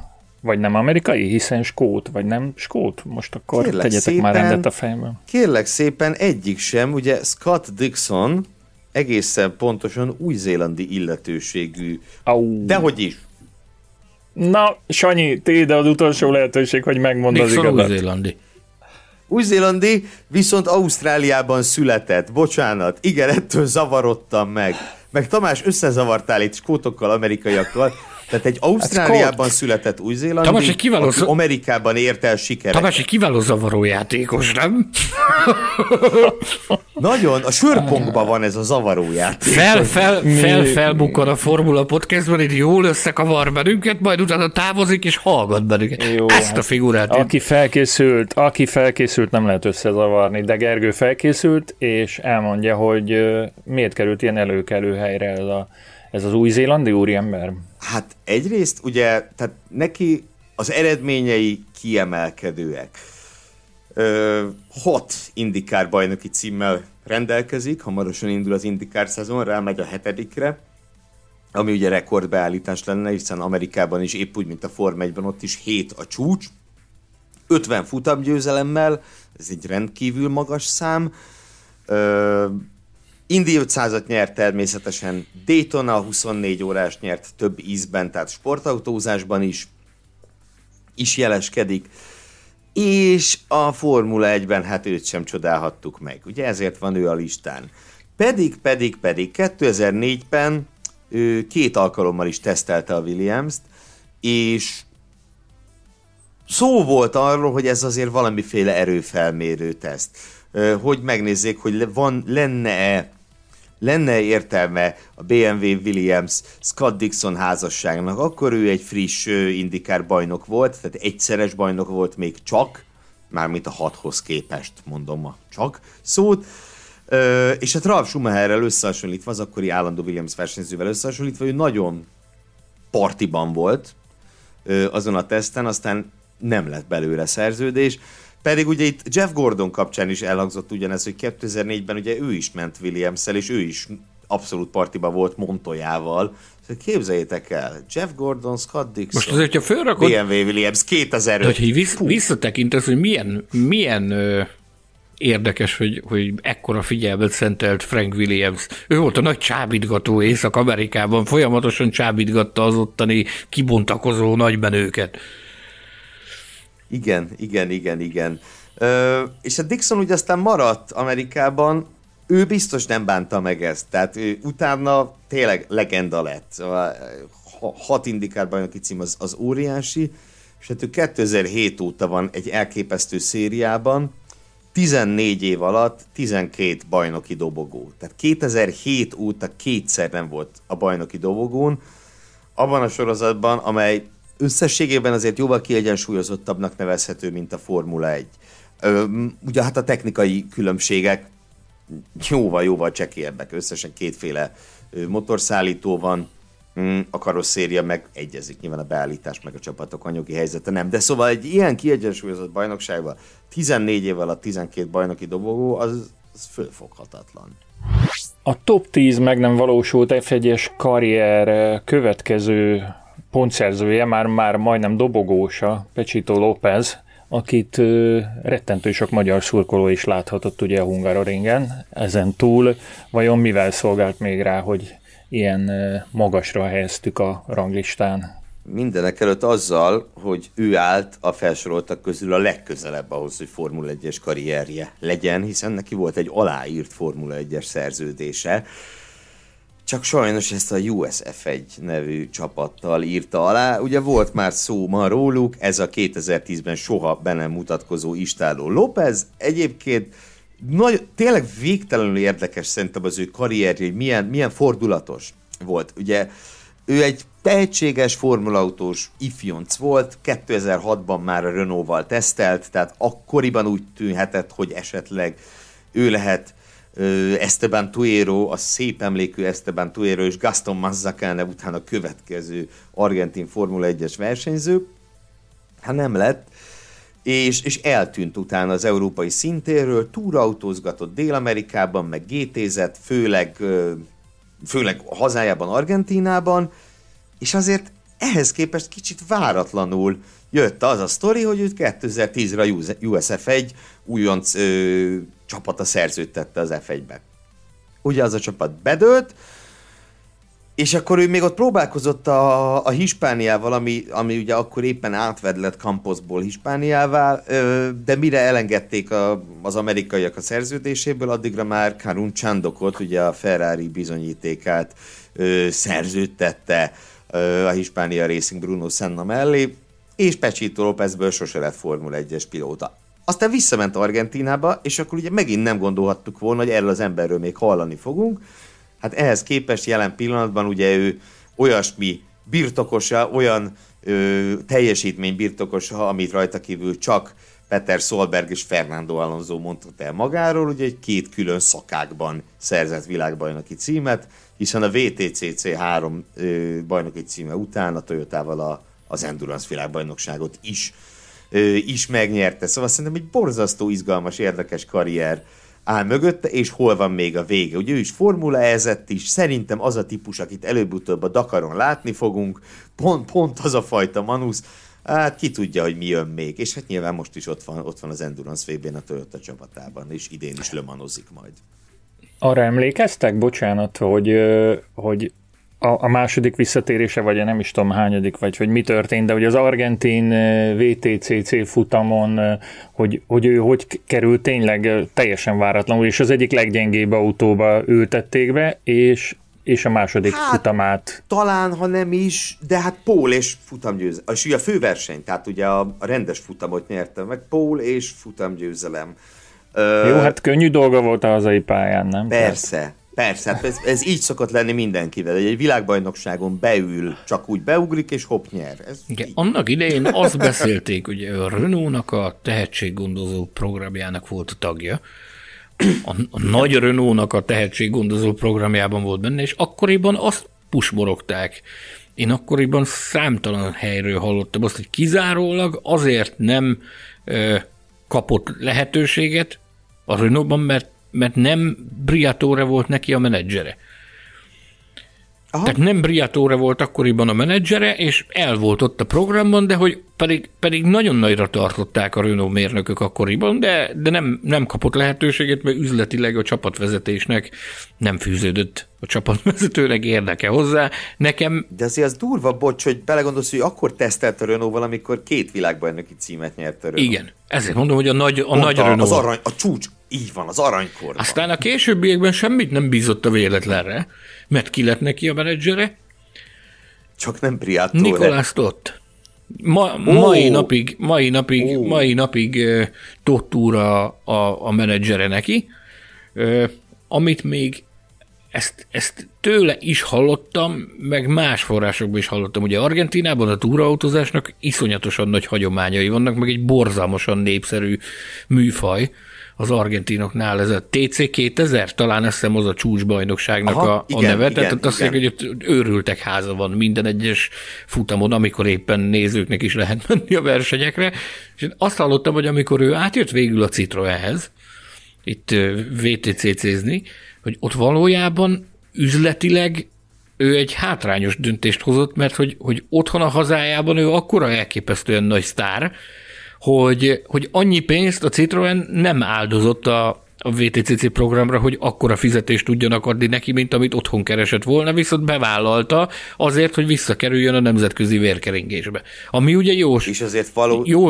a Toyota így van. szerződéssel azért ez elég így jó. van, így van, kifizetődött neki ez a része a történetnek, és képzeljétek, hogy egyszer voltam vele egy szülinapi buliban, együtt, ott, ott sokat beszélgettünk privátban mindenféle dolgokról, ugyanis ő dolgozott egy időben a, az argentin nem is az argentin, hanem a latin-amerikai Fox csatornának, akik ott a, a Form 1-es host csatorna. Azt, a stábot zömbel argentinok alkotják, cuki pofák, nagyon-nagyon jóban vagyunk, és a, az egyik operatőr srácnak, Ulyssesnek a, a születésnapja az általában a monokói nagy díj hétvégére esett, és, és ott csapott mindig a, az Uli hatalmas bulit, és az egyik évben ott volt velük a Pecsitó is, és, és nagyon-nagyon jó fej volt sokat beszélgettünk aznap éjszaka mindenféle dolgokról, például ott ilyen jellegű dolgokat is lehetett hallani, hogy, hogy az üzletileg nem volt egy kifizetődő, kifizetődő mutatvány eljönni VTCC-zni. Egyébként egy remek hangulatú, meg, meg egy nagyon jó karizmájú, és hát gyerekek, hát amit, az, amit kitett az asztalra, tehát én azt gondolom, hogy nagyon nagy veszteség az, hogy nem láthattuk őt Form 1 autóban. Elérkeztünk a toplista első három vagy utolsó három helyezettjéhez? Első a mindenesetre három, első három helyezettjéhez. Annak ellenére, hogy fordított sorrendben olvassuk őket. Szóval három olyan név fog következni, amitől ha kimondom, minden hallgató le fog esni a székről, úgyhogy kapaszkodjatok. A, a harmadik pozícióban a legendás, és itt nem tudom, a négyzetre, meg köbre, meg hova lehet emelni, Tom Christensen akit ha láttunk volna a Forma 1-ben, akkor, akkor vajon mi történt volna, és hol láttuk volna? Hát ez az, hogy valószínűleg semmi se történt volna, legalábbis eleinte, hiszen ö, amilyen csapatokkal ő kapcsolatba került, egyrészt amilyen csapatokkal kapcsolatba került, majd visszakanyarodok mindjárt erre, hát azok nem épp a legjobb istálók voltak, Plusz ugye, amikor neki az igazi nagy Forma 1-es, és amikor ott nyűsgött a Forma 1 körül, akkor azért még nem volt az, aki ma kicsoda. Egy kilencszeres Le Mans győztes. Jó néhány különböző szavazás volt az elmúlt 5-10 évben, aminek ő végzett az élén ebben, abban a témában, hogy a legjobb versenyző, legalábbis nyilván pályaversenyző, aki nem volt soha Forma 1-es pilóta. Ez kicsit ilyen közfelkiáltásos, mint hogy a legjobb nem világbajnok Forma 1-es pilóta Sterling Moss, és hogy a legjobb ö, sosem volt F1-es pilóta pedig Tom Christensen lenne. Na, szóval 9 Le Mans győzelem, és ugye nem csak Le Mansban ő a rekordár, hanem Sebringben is. Számomra ez az igazi döbbenet. Tehát, hogy az óceán túloldalán egy hasonlóan legendás uh, endurance versenyen, ugye az Endurance Triple Crown-jának másik lába Sebring, és ott is ő a rekordár. Ugyanúgy, mint Le Mansban. És akkor emellett ugye VEC bajnoki cím, Pöti Le Mans győzelem, mindenféle egyebek, meg DTM-ezett is csinált még egy csomó mindent, amelyek ezekhez képest eltörpülnek felsorolni is nehéz az eredményeit. És hát figyeljetek, a legközelebb ő a Prost üléséhez állt, amikor a Prost már elég hitvány volt, csak ugye nem állt össze a büdzsé, és azt mondom, hogy lehet, hogy jobb is így. Tehát mind a mellett, hogy az autósport a csúcsa meggyőződésem szerint, meg sokunk meggyőződése szerint a Forma 1, Tom Christensennek biztos, hogy jobb így, hogy nem került be se a Minardihoz, se a Tirelhez, se a Prosthoz, hiszen ő ezekkel az istálokkal állt kapcsolatban. Williamsnél is tesztel, de azt a Michelin megbízásából tette, tehát ott nem lehetett szó arról, hogy ő majd egy szerződést kap. Le Mansba viszont figyeltek, egy egyet emelnék ki. Az első kilenc Le Mansján hét győzelem, két kiesés. Úgyhogy egyik se az ő hibája volt a két kiesésnek amikor az első kilenc lömanyából célba ért, hét alkalommal győzelem. Ennyi. Nekem nagyon nagy élményem volt az a 2014-es Le Mans, amikor testközelből ugye Audi gyári vendégként bejáratosak voltunk egészen a garázsnak a hátsó traktusáig. Utolsó lömanya. Óriási élmény volt látni azt, hogy milyen akkurátusan csinálja, meg hogy milyen szenvedéllyel, meg milyen lelkesen csinálja. Én a pályafutását azt most nagyon szépen kielemezted, én inkább saját benyomást mondanék. Tehát ez az egyik, hogy, hogy ott, ott élesben látni őt, nagyon nagy dolog volt, de ugye én, nekem alkalmam van időről időre látni őt, mint F1 Stewardot is, meg Stewardkodik, szokott tagja lenni a, a sportfelügyelői testületnek, ex-versenyzőként szokott jönni, és olyankor lehet vele beszélgetni, és ő nálam megmondom őszintén, hogy nekem, nekem a Carlos Sainzhoz tudnám hasonlítani. Ő az a fajta pali, Ugye az autóversenyzőknél van olyan, aki nagyon bulis, meg, meg sokszor, a, amikor nem a versenyzésről van szó, akkor nagyon komolytalan, meg, meg vannak azok, akik zárkózottabbak. A Christensen kellően nyitott, és ő olyan, mint a Carlos Sainz, hogy, hogy érzed rajta mind a mai napig, hogy bár már nem versenyez, de a részletekre a leges-leges, legapróbb módon odafigyel, és szó szerint ezeknek az embereknek tényleg az életük az autóverseny. Minden gondolata a körül forog, minden dologra, a legapróbb részletekre odafigyel, és neki is van egy olyan kisugárzása, amit, amit tényleg, hogyha leülsz vele beszélgetni, az egész egyszerűen utánozhatatlan. Szó szerint elvarázs, és tápszája hallgatod, hogy, hogy, hogy miket mond, olyan, olyan érdekességeket tud mondani, adott esetben egy Forma 1 edzésről is, amit ugyanott ülsz, ugyanúgy nézed a televízióban, te is ugyanazt látod, elméletileg. Aztán, amikor ő előadja, hogy ott mi történik, akkor egészen más, egészen más értelmet nyer. Egyébként nagyon kedveli a, a magyarokat, ugye FIA-n keretein belül ő gyakran találkozik például a, az MNS elnökével, Olá Gyárfással is, és, és mindig mondja, mindig mondja, hogy igen, az elnökötök, meg hát, hogy tudja, hogy kik a magyarok. Maradjunk ennyiben.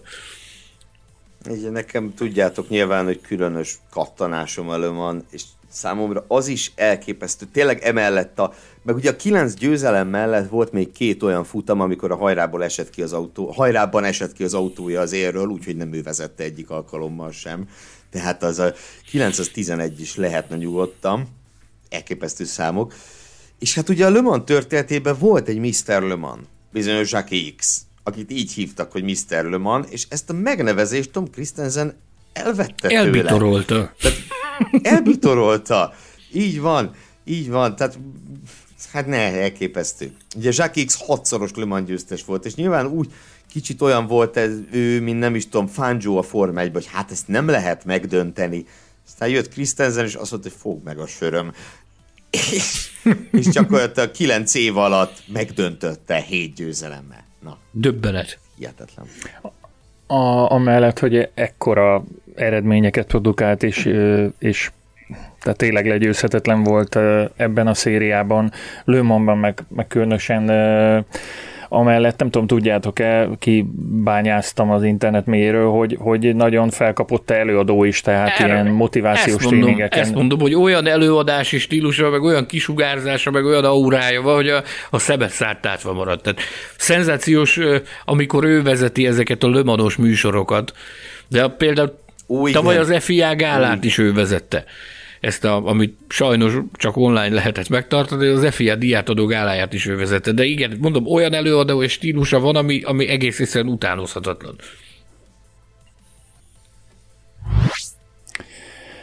A top 10 meg nem valósult Forma 1-es karrier második helyezettje egy rally versenyző, Sebastian Löbnek hívják, és azért érdekes talán különösen az ő személye ezen a listán, mert hogy a meg nem valósult álom az, az Magyarországon nem valósult meg. Jól ragoztam?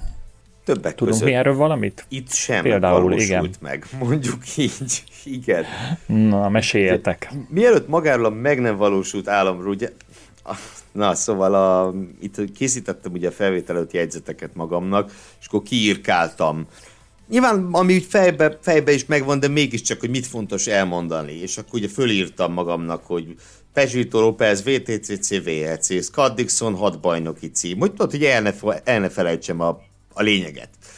Hát lőbb mellé annyit írtam, hogy fucking legend. Tehát, hogy ne, itt nem kell ezt... Meg tudom erősíteni, mert láttam a jegyzeteidet, hogy valóban ez volt beleírva. Tehát, hogy nem kezd részletezni, hogy ő kicsoda. Ö, ami ő nem ő nem a Toro Rosso Forma 1-es pilótája. Mert ugye ő is tesztelt több csapattal, kapcsolatban állt több csapattal, ő maga kereste meg a USF 1-et, nem gondoltátok volna, hogy ennyit fogjuk a USF 1-et emlegetni mi. Meg, meg tesztelt ő Renault Red Bull, de a Toro Rosso-val lett volna a debütálás. Sanyikám, hogy emlékszel erre? Arra, hogy akkoriban azért nagyon nagy csinadratta volt e körül, tehát minden szempár a a tesztre szegeződött, ugye nagyon nagy szó volt ez, hogy eleve az, hogy beül. Aztán ment a spekuláció, hogy ez most csak egy, egy ilyen PR stunt, vagy valóban komoly szándék van mögötte. Aztán amikor megcsinálta az első néhány tesztet, ilyen tesztnapot, akkor utána már ugye több, több teszten is részt vett abban a, abban a felkészülési időszakban, hogyha emlékem. Igen, és ugye Red Bull-lal is, és a legdurvább, tehát szerintem ami a legdurvább, és itt viszont szerintem igenis fontos az idő eredményről beszélni, ugye korábban beszéltünk erről, hogy ez fontos vagy nem, hogy egy, egy rendes téli tesztnapon ment Barcelonában az F1-es mezőnyel, és lett 17-ből 8 Igen. Szóval, hogy az, az nem tréfa dolog. Bizony, bizony, hogy nem tréfa dolog. Ugye ott mentek akkoriban azért mindenféle pusmorgások arról, hogy valójában ott bonyolítottak valami sutyi, sutyi tesztet is, amivel ő felkészült arra bizonyos tesztnapra, hogy nehogy véletlenül lebőgés legyen belőle, meg mindenféle dolgokat mondtak.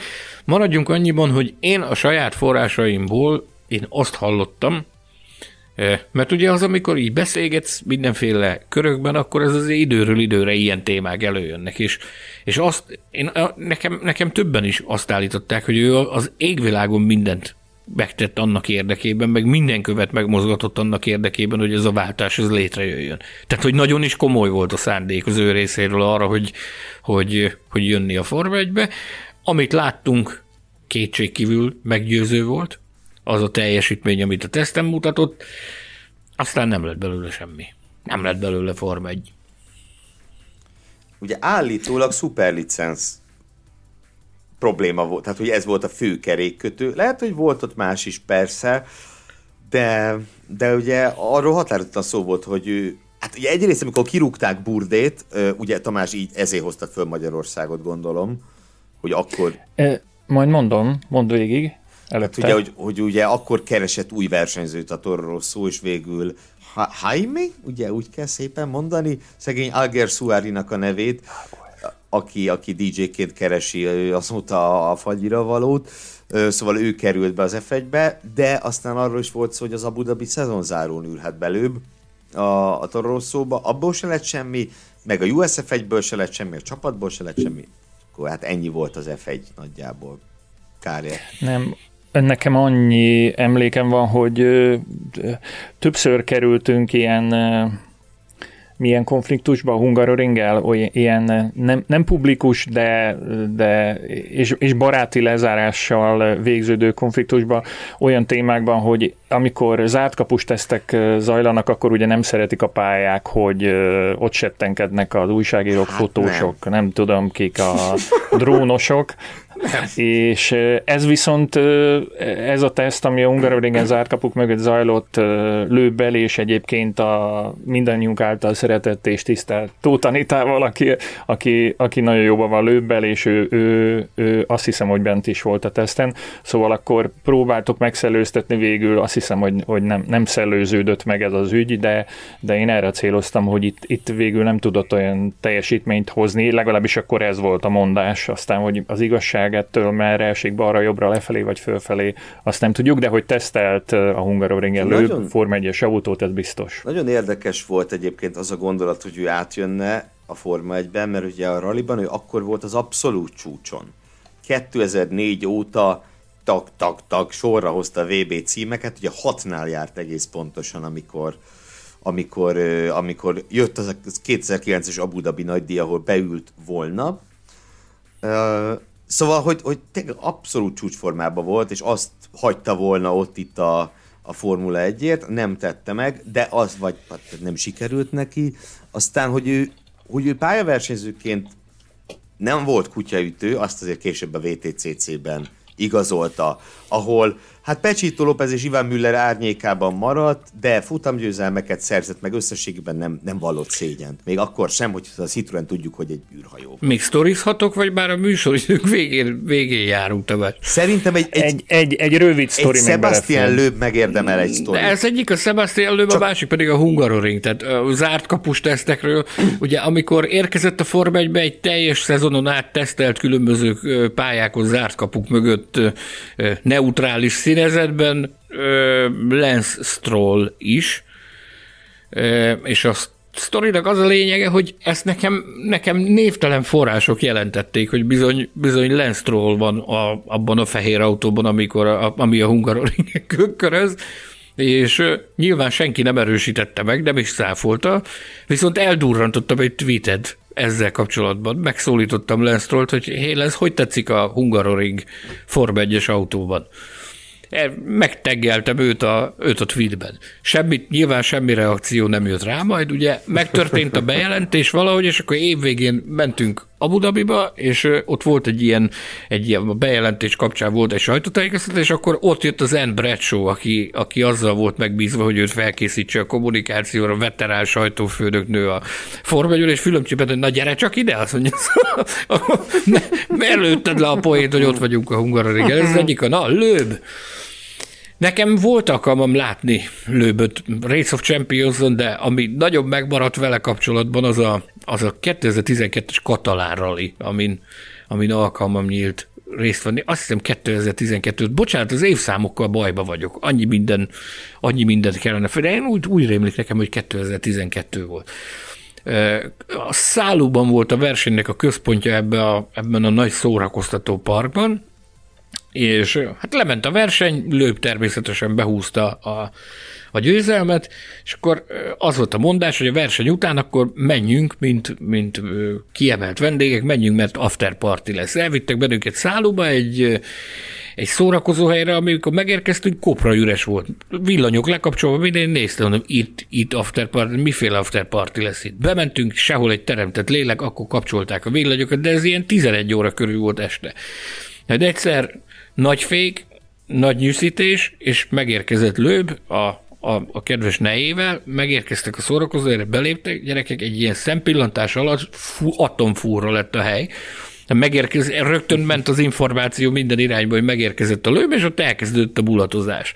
És ott mindenki jó hangulatba keveredett, maradjuk annyiban, beszélgettem Daniel Elenával, akivel egyébként most jelentették be a napokban a szakításukat. A ProDrive javaslatára ez a legendás lőb ellen a páros külön megy, ugyanis a ProDrive ne, állítólag nem volt elégedett Daniel ellen a navigátori teljesítményével a Dakaron, ami, ami az én forrásaim szerint nem feltétlenül megalapozott azt állítani, hogy nem teljesített jól, Isten tudja miért, úgy tűnik, hogy most ők szétmentek. Szóval egy év távlatából talán már elmondhatom azt, hogy az egyik legemlékezetesebb poén az az volt, hogy álltak a rajongók sorba, a, a mulatozó lőptől kérték az aláírást, a közös fotót, meg minden.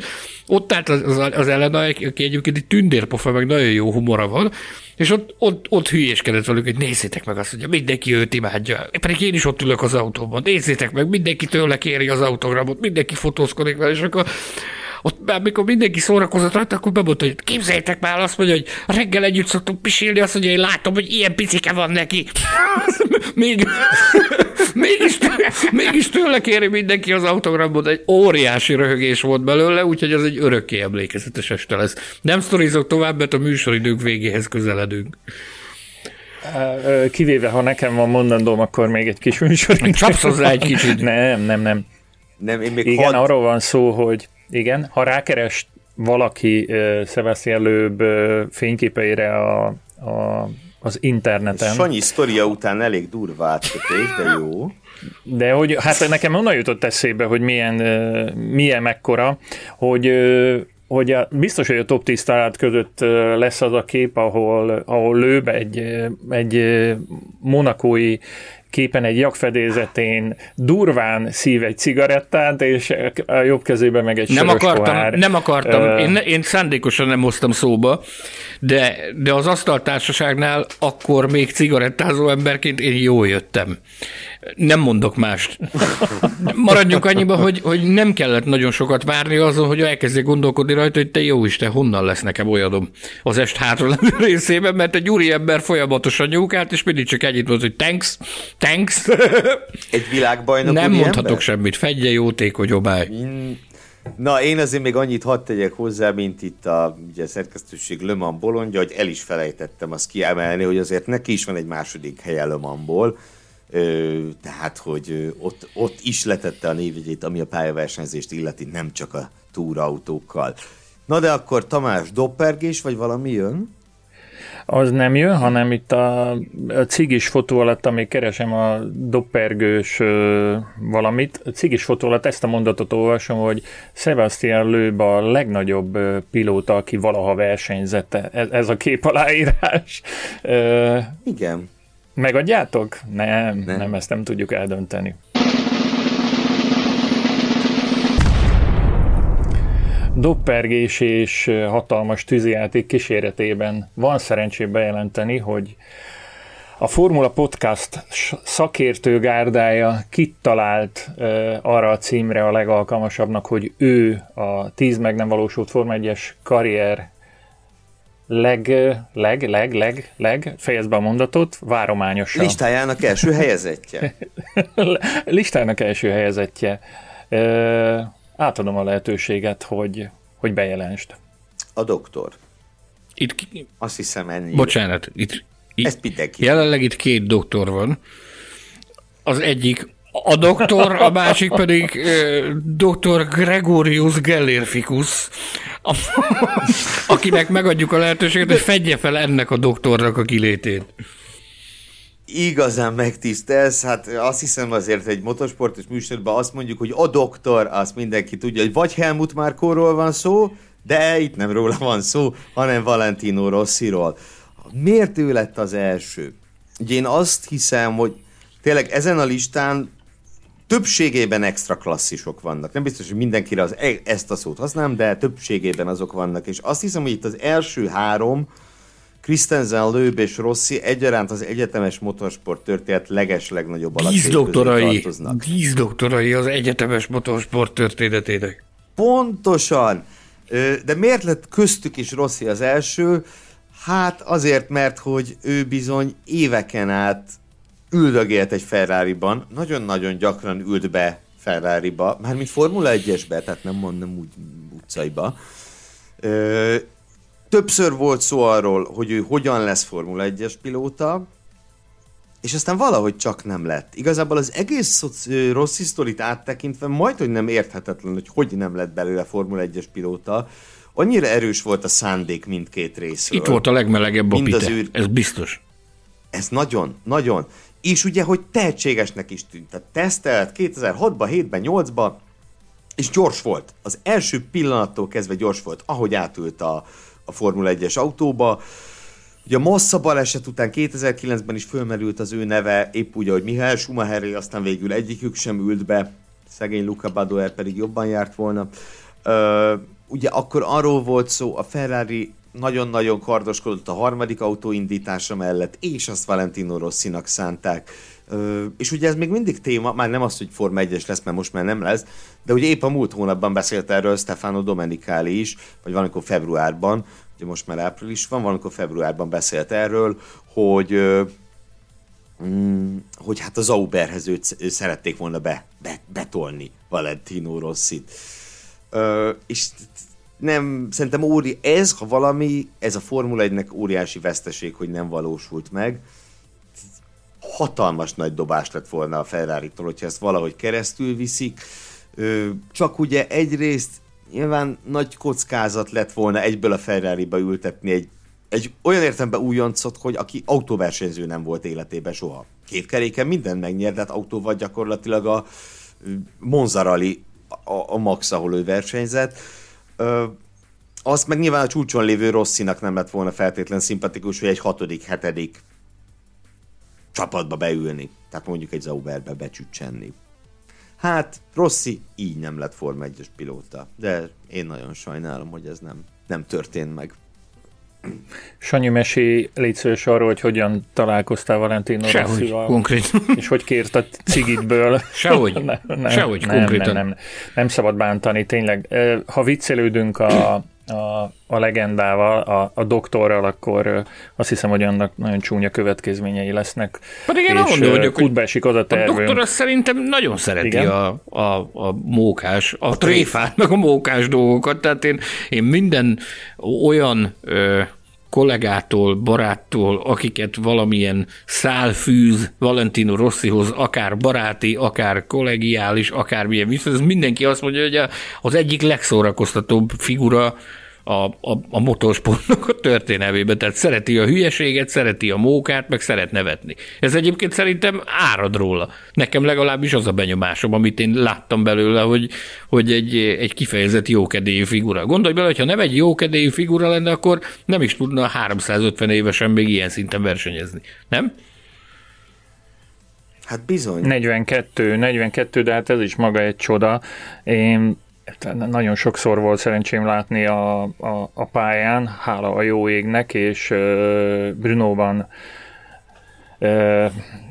leginkább ott, ott lehet érezni abban a katlanban, ami, ahol megfordul a, a, az egyik kanyarban a mezőny, ebbe a természetes katlanban, ahogy megtöltik a, a nézőteret a, a sárga ruhás rossz rajongók, és morajlik a tömeg. A Form 1 nem hallasz ilyen morajlást, ahogy, ahogy megérkezik a, a sztár, és, és szinte elnyomja a motor hangját. Elképesztő rajongással vannak iránta. Az a kérdésem, hogyha 2023-ban futják az első Ezt magyar akartam, hogy csak hajdunálásig húzza már ki. Fogjuk-e látni? Húzza már ki hajdunálásig a Rossi a pályafutását. Ez Balogh Tomi biztos meg tudná mondani, hogy, hogy, hogy idejére hajdunálásra majd Valentino Rossi, de én, én, én titkon én nagyon reménykedem benne. De ha már 42 éves koráig kihúzta, hogy aktívan versenyezhetem, miért nem bírná ki még egy kicsit? Persze, hát mi az? Gyerekek, értek, idősebb, izé, Alonso, Raikkonen, Jenson Button, ezeknél minél idősebb. Ez mennyire durva? Ezt a Gobó nagyon jól, a Gobodics Tomi nagyon jól rámutatott a múltkor arra, hogy ezek a, ezek a korunk klasszisai, ezek elnyűhetetlenek ezek, a, ezek az emberek. Tehát olyan magas szintű már a, az egészségügyi tudomány a sport körül, meg a, meg a mentális gondozása a sportolóknak, meg a sportpszichológia olyan magas szintű már, hogy ezeket a pályafutásokat életben lehet tartani ilyen hosszan. Én abban reménykedem, hogy éppen most dolgoznak azon, hogy még hajdunálási kihúzza Valentino Rossi, ezt imádnám, hogyha ez létrejönne. Azért sem szabad bántanunk uh, Rosszit, mert egy, egy távoli tervünkben, vagy közeli tervünkben szerepel majd egy olyan külön kiadása a Formula Podcastnak, hogy uh, ha a hallgatók is így akarják, hogy egy, egy MotoGP-s műsort készítünk, ahogy, ahogy közeledik a, a magyar MotoGP futam, vagy még hamarabb, inkább sokkal hamarabb, azt gondoljuk, hogy, hogy össze kellene kötni ezt a két nagyszerű szakágat, és azt gondoljuk, hogy kíváncsiak vagytok ti arra. Egy, egy formulás MotoGP szakértőtől, meg még másoktól is talán, hogy, hogy mi is történik ott a, a két kerekűek világában. Vagy legalábbis mi kíváncsiak vagyunk arra, hogy ti kíváncsiak vagytok-e. Szóval a Formula Podcast Facebook csoportban majd jó megszavaztatjuk. Azt hiszem ez a... Én a demokrácia híve vagyok. Én is. Amíg én döntök, addig, addig abszolút. Ezt ti szoktátok mondani. Elérkeztünk a, a toplista leges legvégére, aminek a, a csúcsán Valentino Rossi szerepel.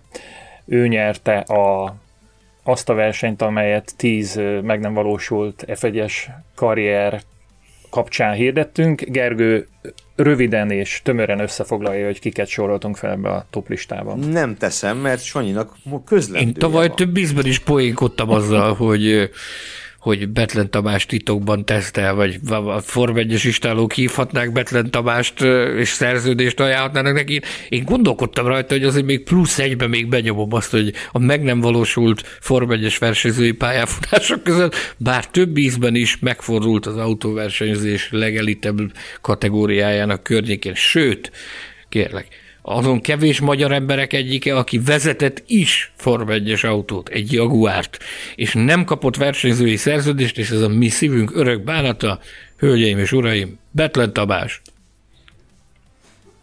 Köszönöm, Gergő. Mit tudsz ezt hozzátenni? A top 10 pilóta nevét mindenképpen. Igen, tehát akkor a tizedik helyen, aki Tamásnál kevesebb szer vezetett Form 1 autót, Danica Patrick, 9. Dario Franchitti, 8. Jeff Gordon, 7. Jean-Louis Lesser, 5. André Lotterer, mármint 6. bocsánat, belezavarodok itt a számokba, 5. helyen Scott Dixon, a negyedik helyen a USF 1 szerződtetett Form 1-es pilótája Pechito López, harmadik helyen Mr. Le Mans, azaz Tom Christensen, második helyen O legenda Sebastian Loeb, első helyen pedig O Dr. Rendel Valentino Rossi.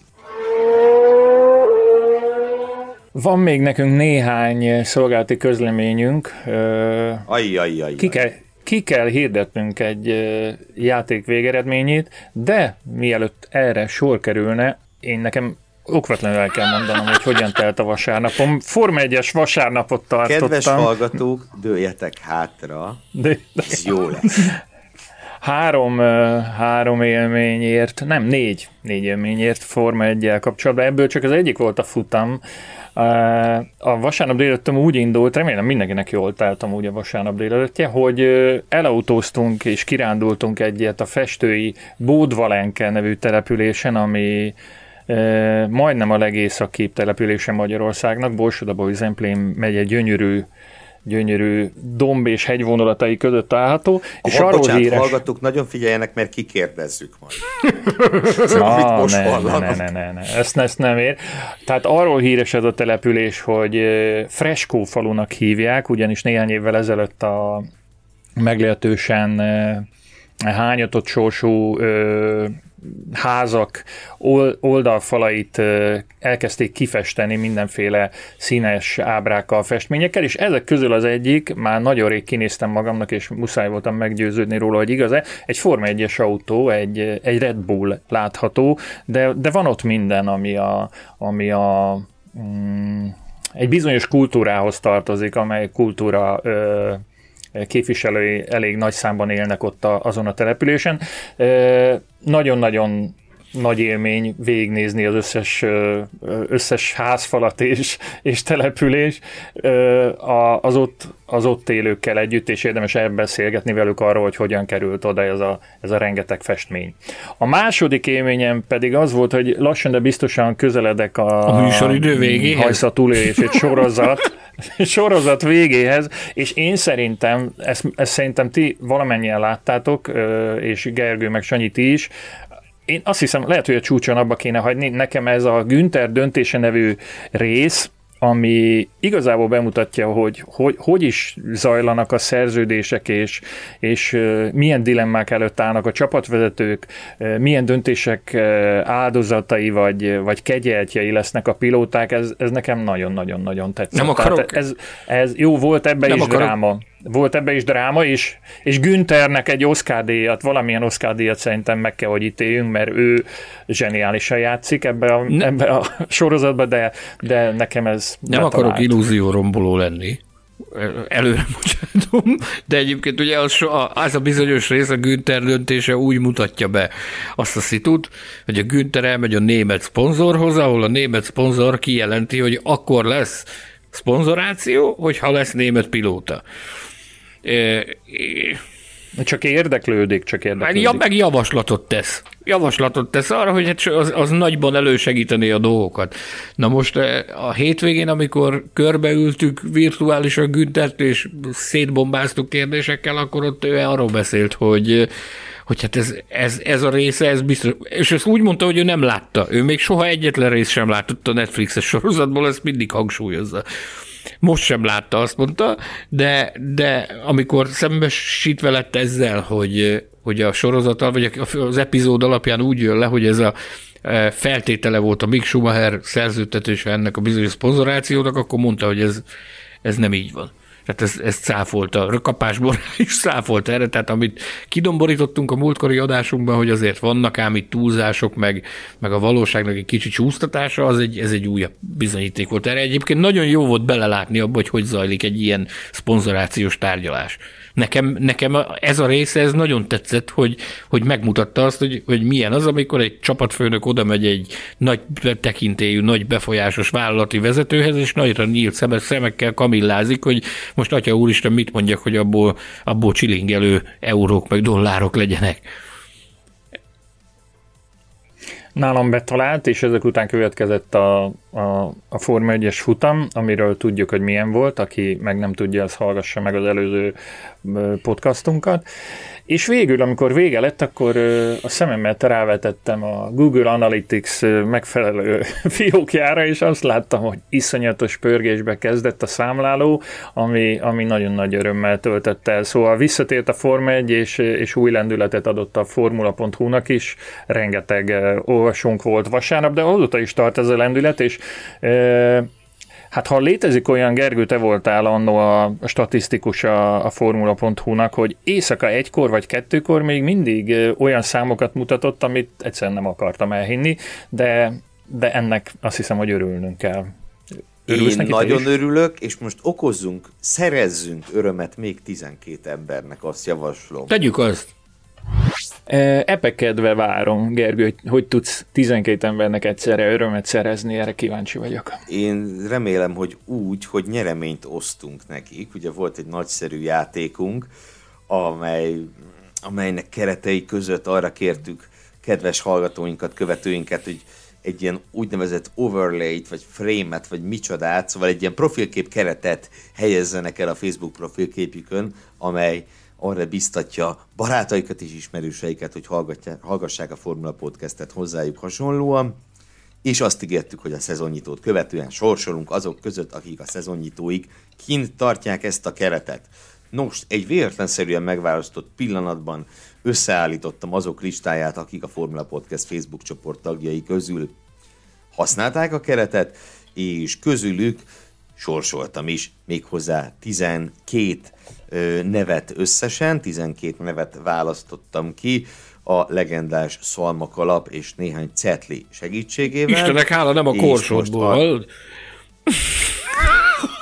Szálljál le a korsomról. Ez egy gonosz, gonosz, gonosz. És most arra kérem Tamást, hogy ismertesse a nyerteseket már csak azért is, hiszen ugye mégiscsak neked van a legtöbb közöd ehhez a nyereménycsomaghoz, amit nagyon köszönünk a Totálnak, és természetesen Betlen Tamásnak.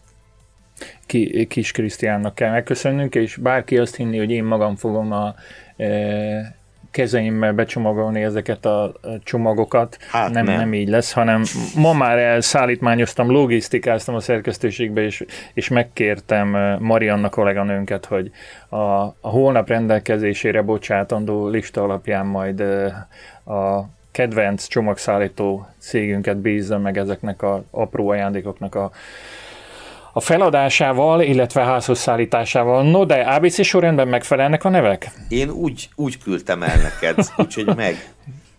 Jó, akkor a következő tisztelt hallgatóknak és profilkép módosítóknak szeretnénk gratulálni.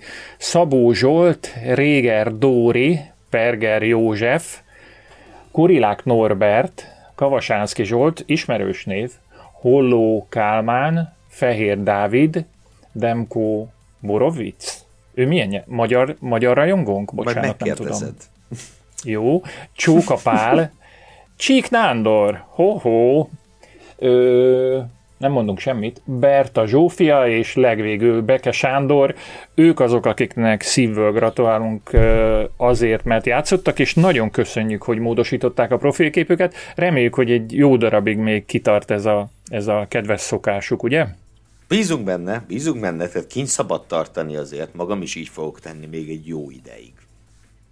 Sanyi, mit tudsz elmondani a önmagad és a mi védelmünkre így a műsoridő végéhez közeledve? Szavaim sincsenek. Egy pillanatig azt hittem, hogy elaludta, hogy Most föl, fölfortyanttam, mint az egyik kommentátor a Löban közvetítés közben. Nem, nem tudok mit mondani. Gyerekek, én élveztem, szerintem nagyon sok mindenről beszéltünk. Jó erre a listára rátekinteni. Bevallom őszintén, hogy azért, azért megdobban a szívem, hogy azért, ú, atya úristen, de jó lett volna ezt vagy azt látni. Nem mondom meg, hogy kiket, de jó lett volna azt látni, hogy komoly karriert építenek ki a Form ez nem jött össze, de hát biztos lesz még ilyen, akinek kapcsán keseregni fogunk, hogy nem lett komolyabb a Form 1 pályafutása. Köszönjük, hogy ismét megint velünk tartottatok, kérjük ajánljátok barátaitoknak, ismerőseiteknek, hogy kövessék podcastünket Spotify-on és a többi netes lejátszófeleten. Különös nagy szeretettel ajánlom a leges legutolsó adásunkat, amely a Bahreini nagydíj összefoglalójáról szól, és egészen különleges nagy eredményeket hoz ez is, szóval innen is látszik, hogy nem csak a formula.hu pörög, hanem a, a podcast is nagyon-nagyon beindult. Csatlakozzatok a Formula Podcast Facebook csoportjához, kérdezzetek tőlünk ott vagy e-mailben, címünk podcastkukacformula.hu. Ha bárhol szóba kerülünk, nem ulasszátok el használni a Formula Hu podcast hashtaget, de jöhet a best followers is, ugye, Gergő? Hashtag best followers, ők a legjobbak. Egy, ez száz százalék, ez biztos. Olvassátok a formula.hu-t, lapozgassátok magazinunkat, amiből egy egészen friss szám található az újságosoknál. Egy, egy különleges cikket muszáj ajánlanom. Próbáltuk elindítani a magyar motorsport halhatatlanjainak a, a létrehozását, listáját, az első téglát elhelyezni a csarnok épületében. Gondolatébresztőnek szántuk ezt a cikket, ha van hozzáfűzni valótok, esetleg egy posztra megkérhetjük Gelérfi Gergőt ez ügyben is, akkor, akkor mindenképp mondjátok el a véleményeteket a dologról. Ezen túl még nézhetitek tévéműsorainkat, kereshetitek és meg is találjátok remélhetőleg könyveinket és pályaposzterünket, meg minden egyéb más kiadványunkat webáruházunkban. A végére azonban mégiscsak az marad a legfontosabb, hogy szeressétek az autósportot.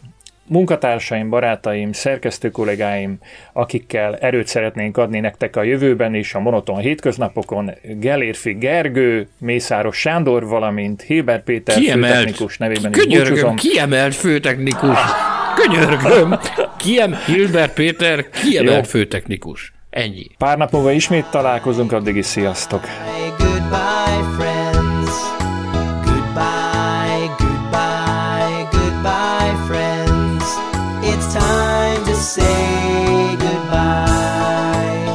Formula Podcast, az autósport és formula magazin műsora. Hírek, vélemények, minden, ami F1 és autósport.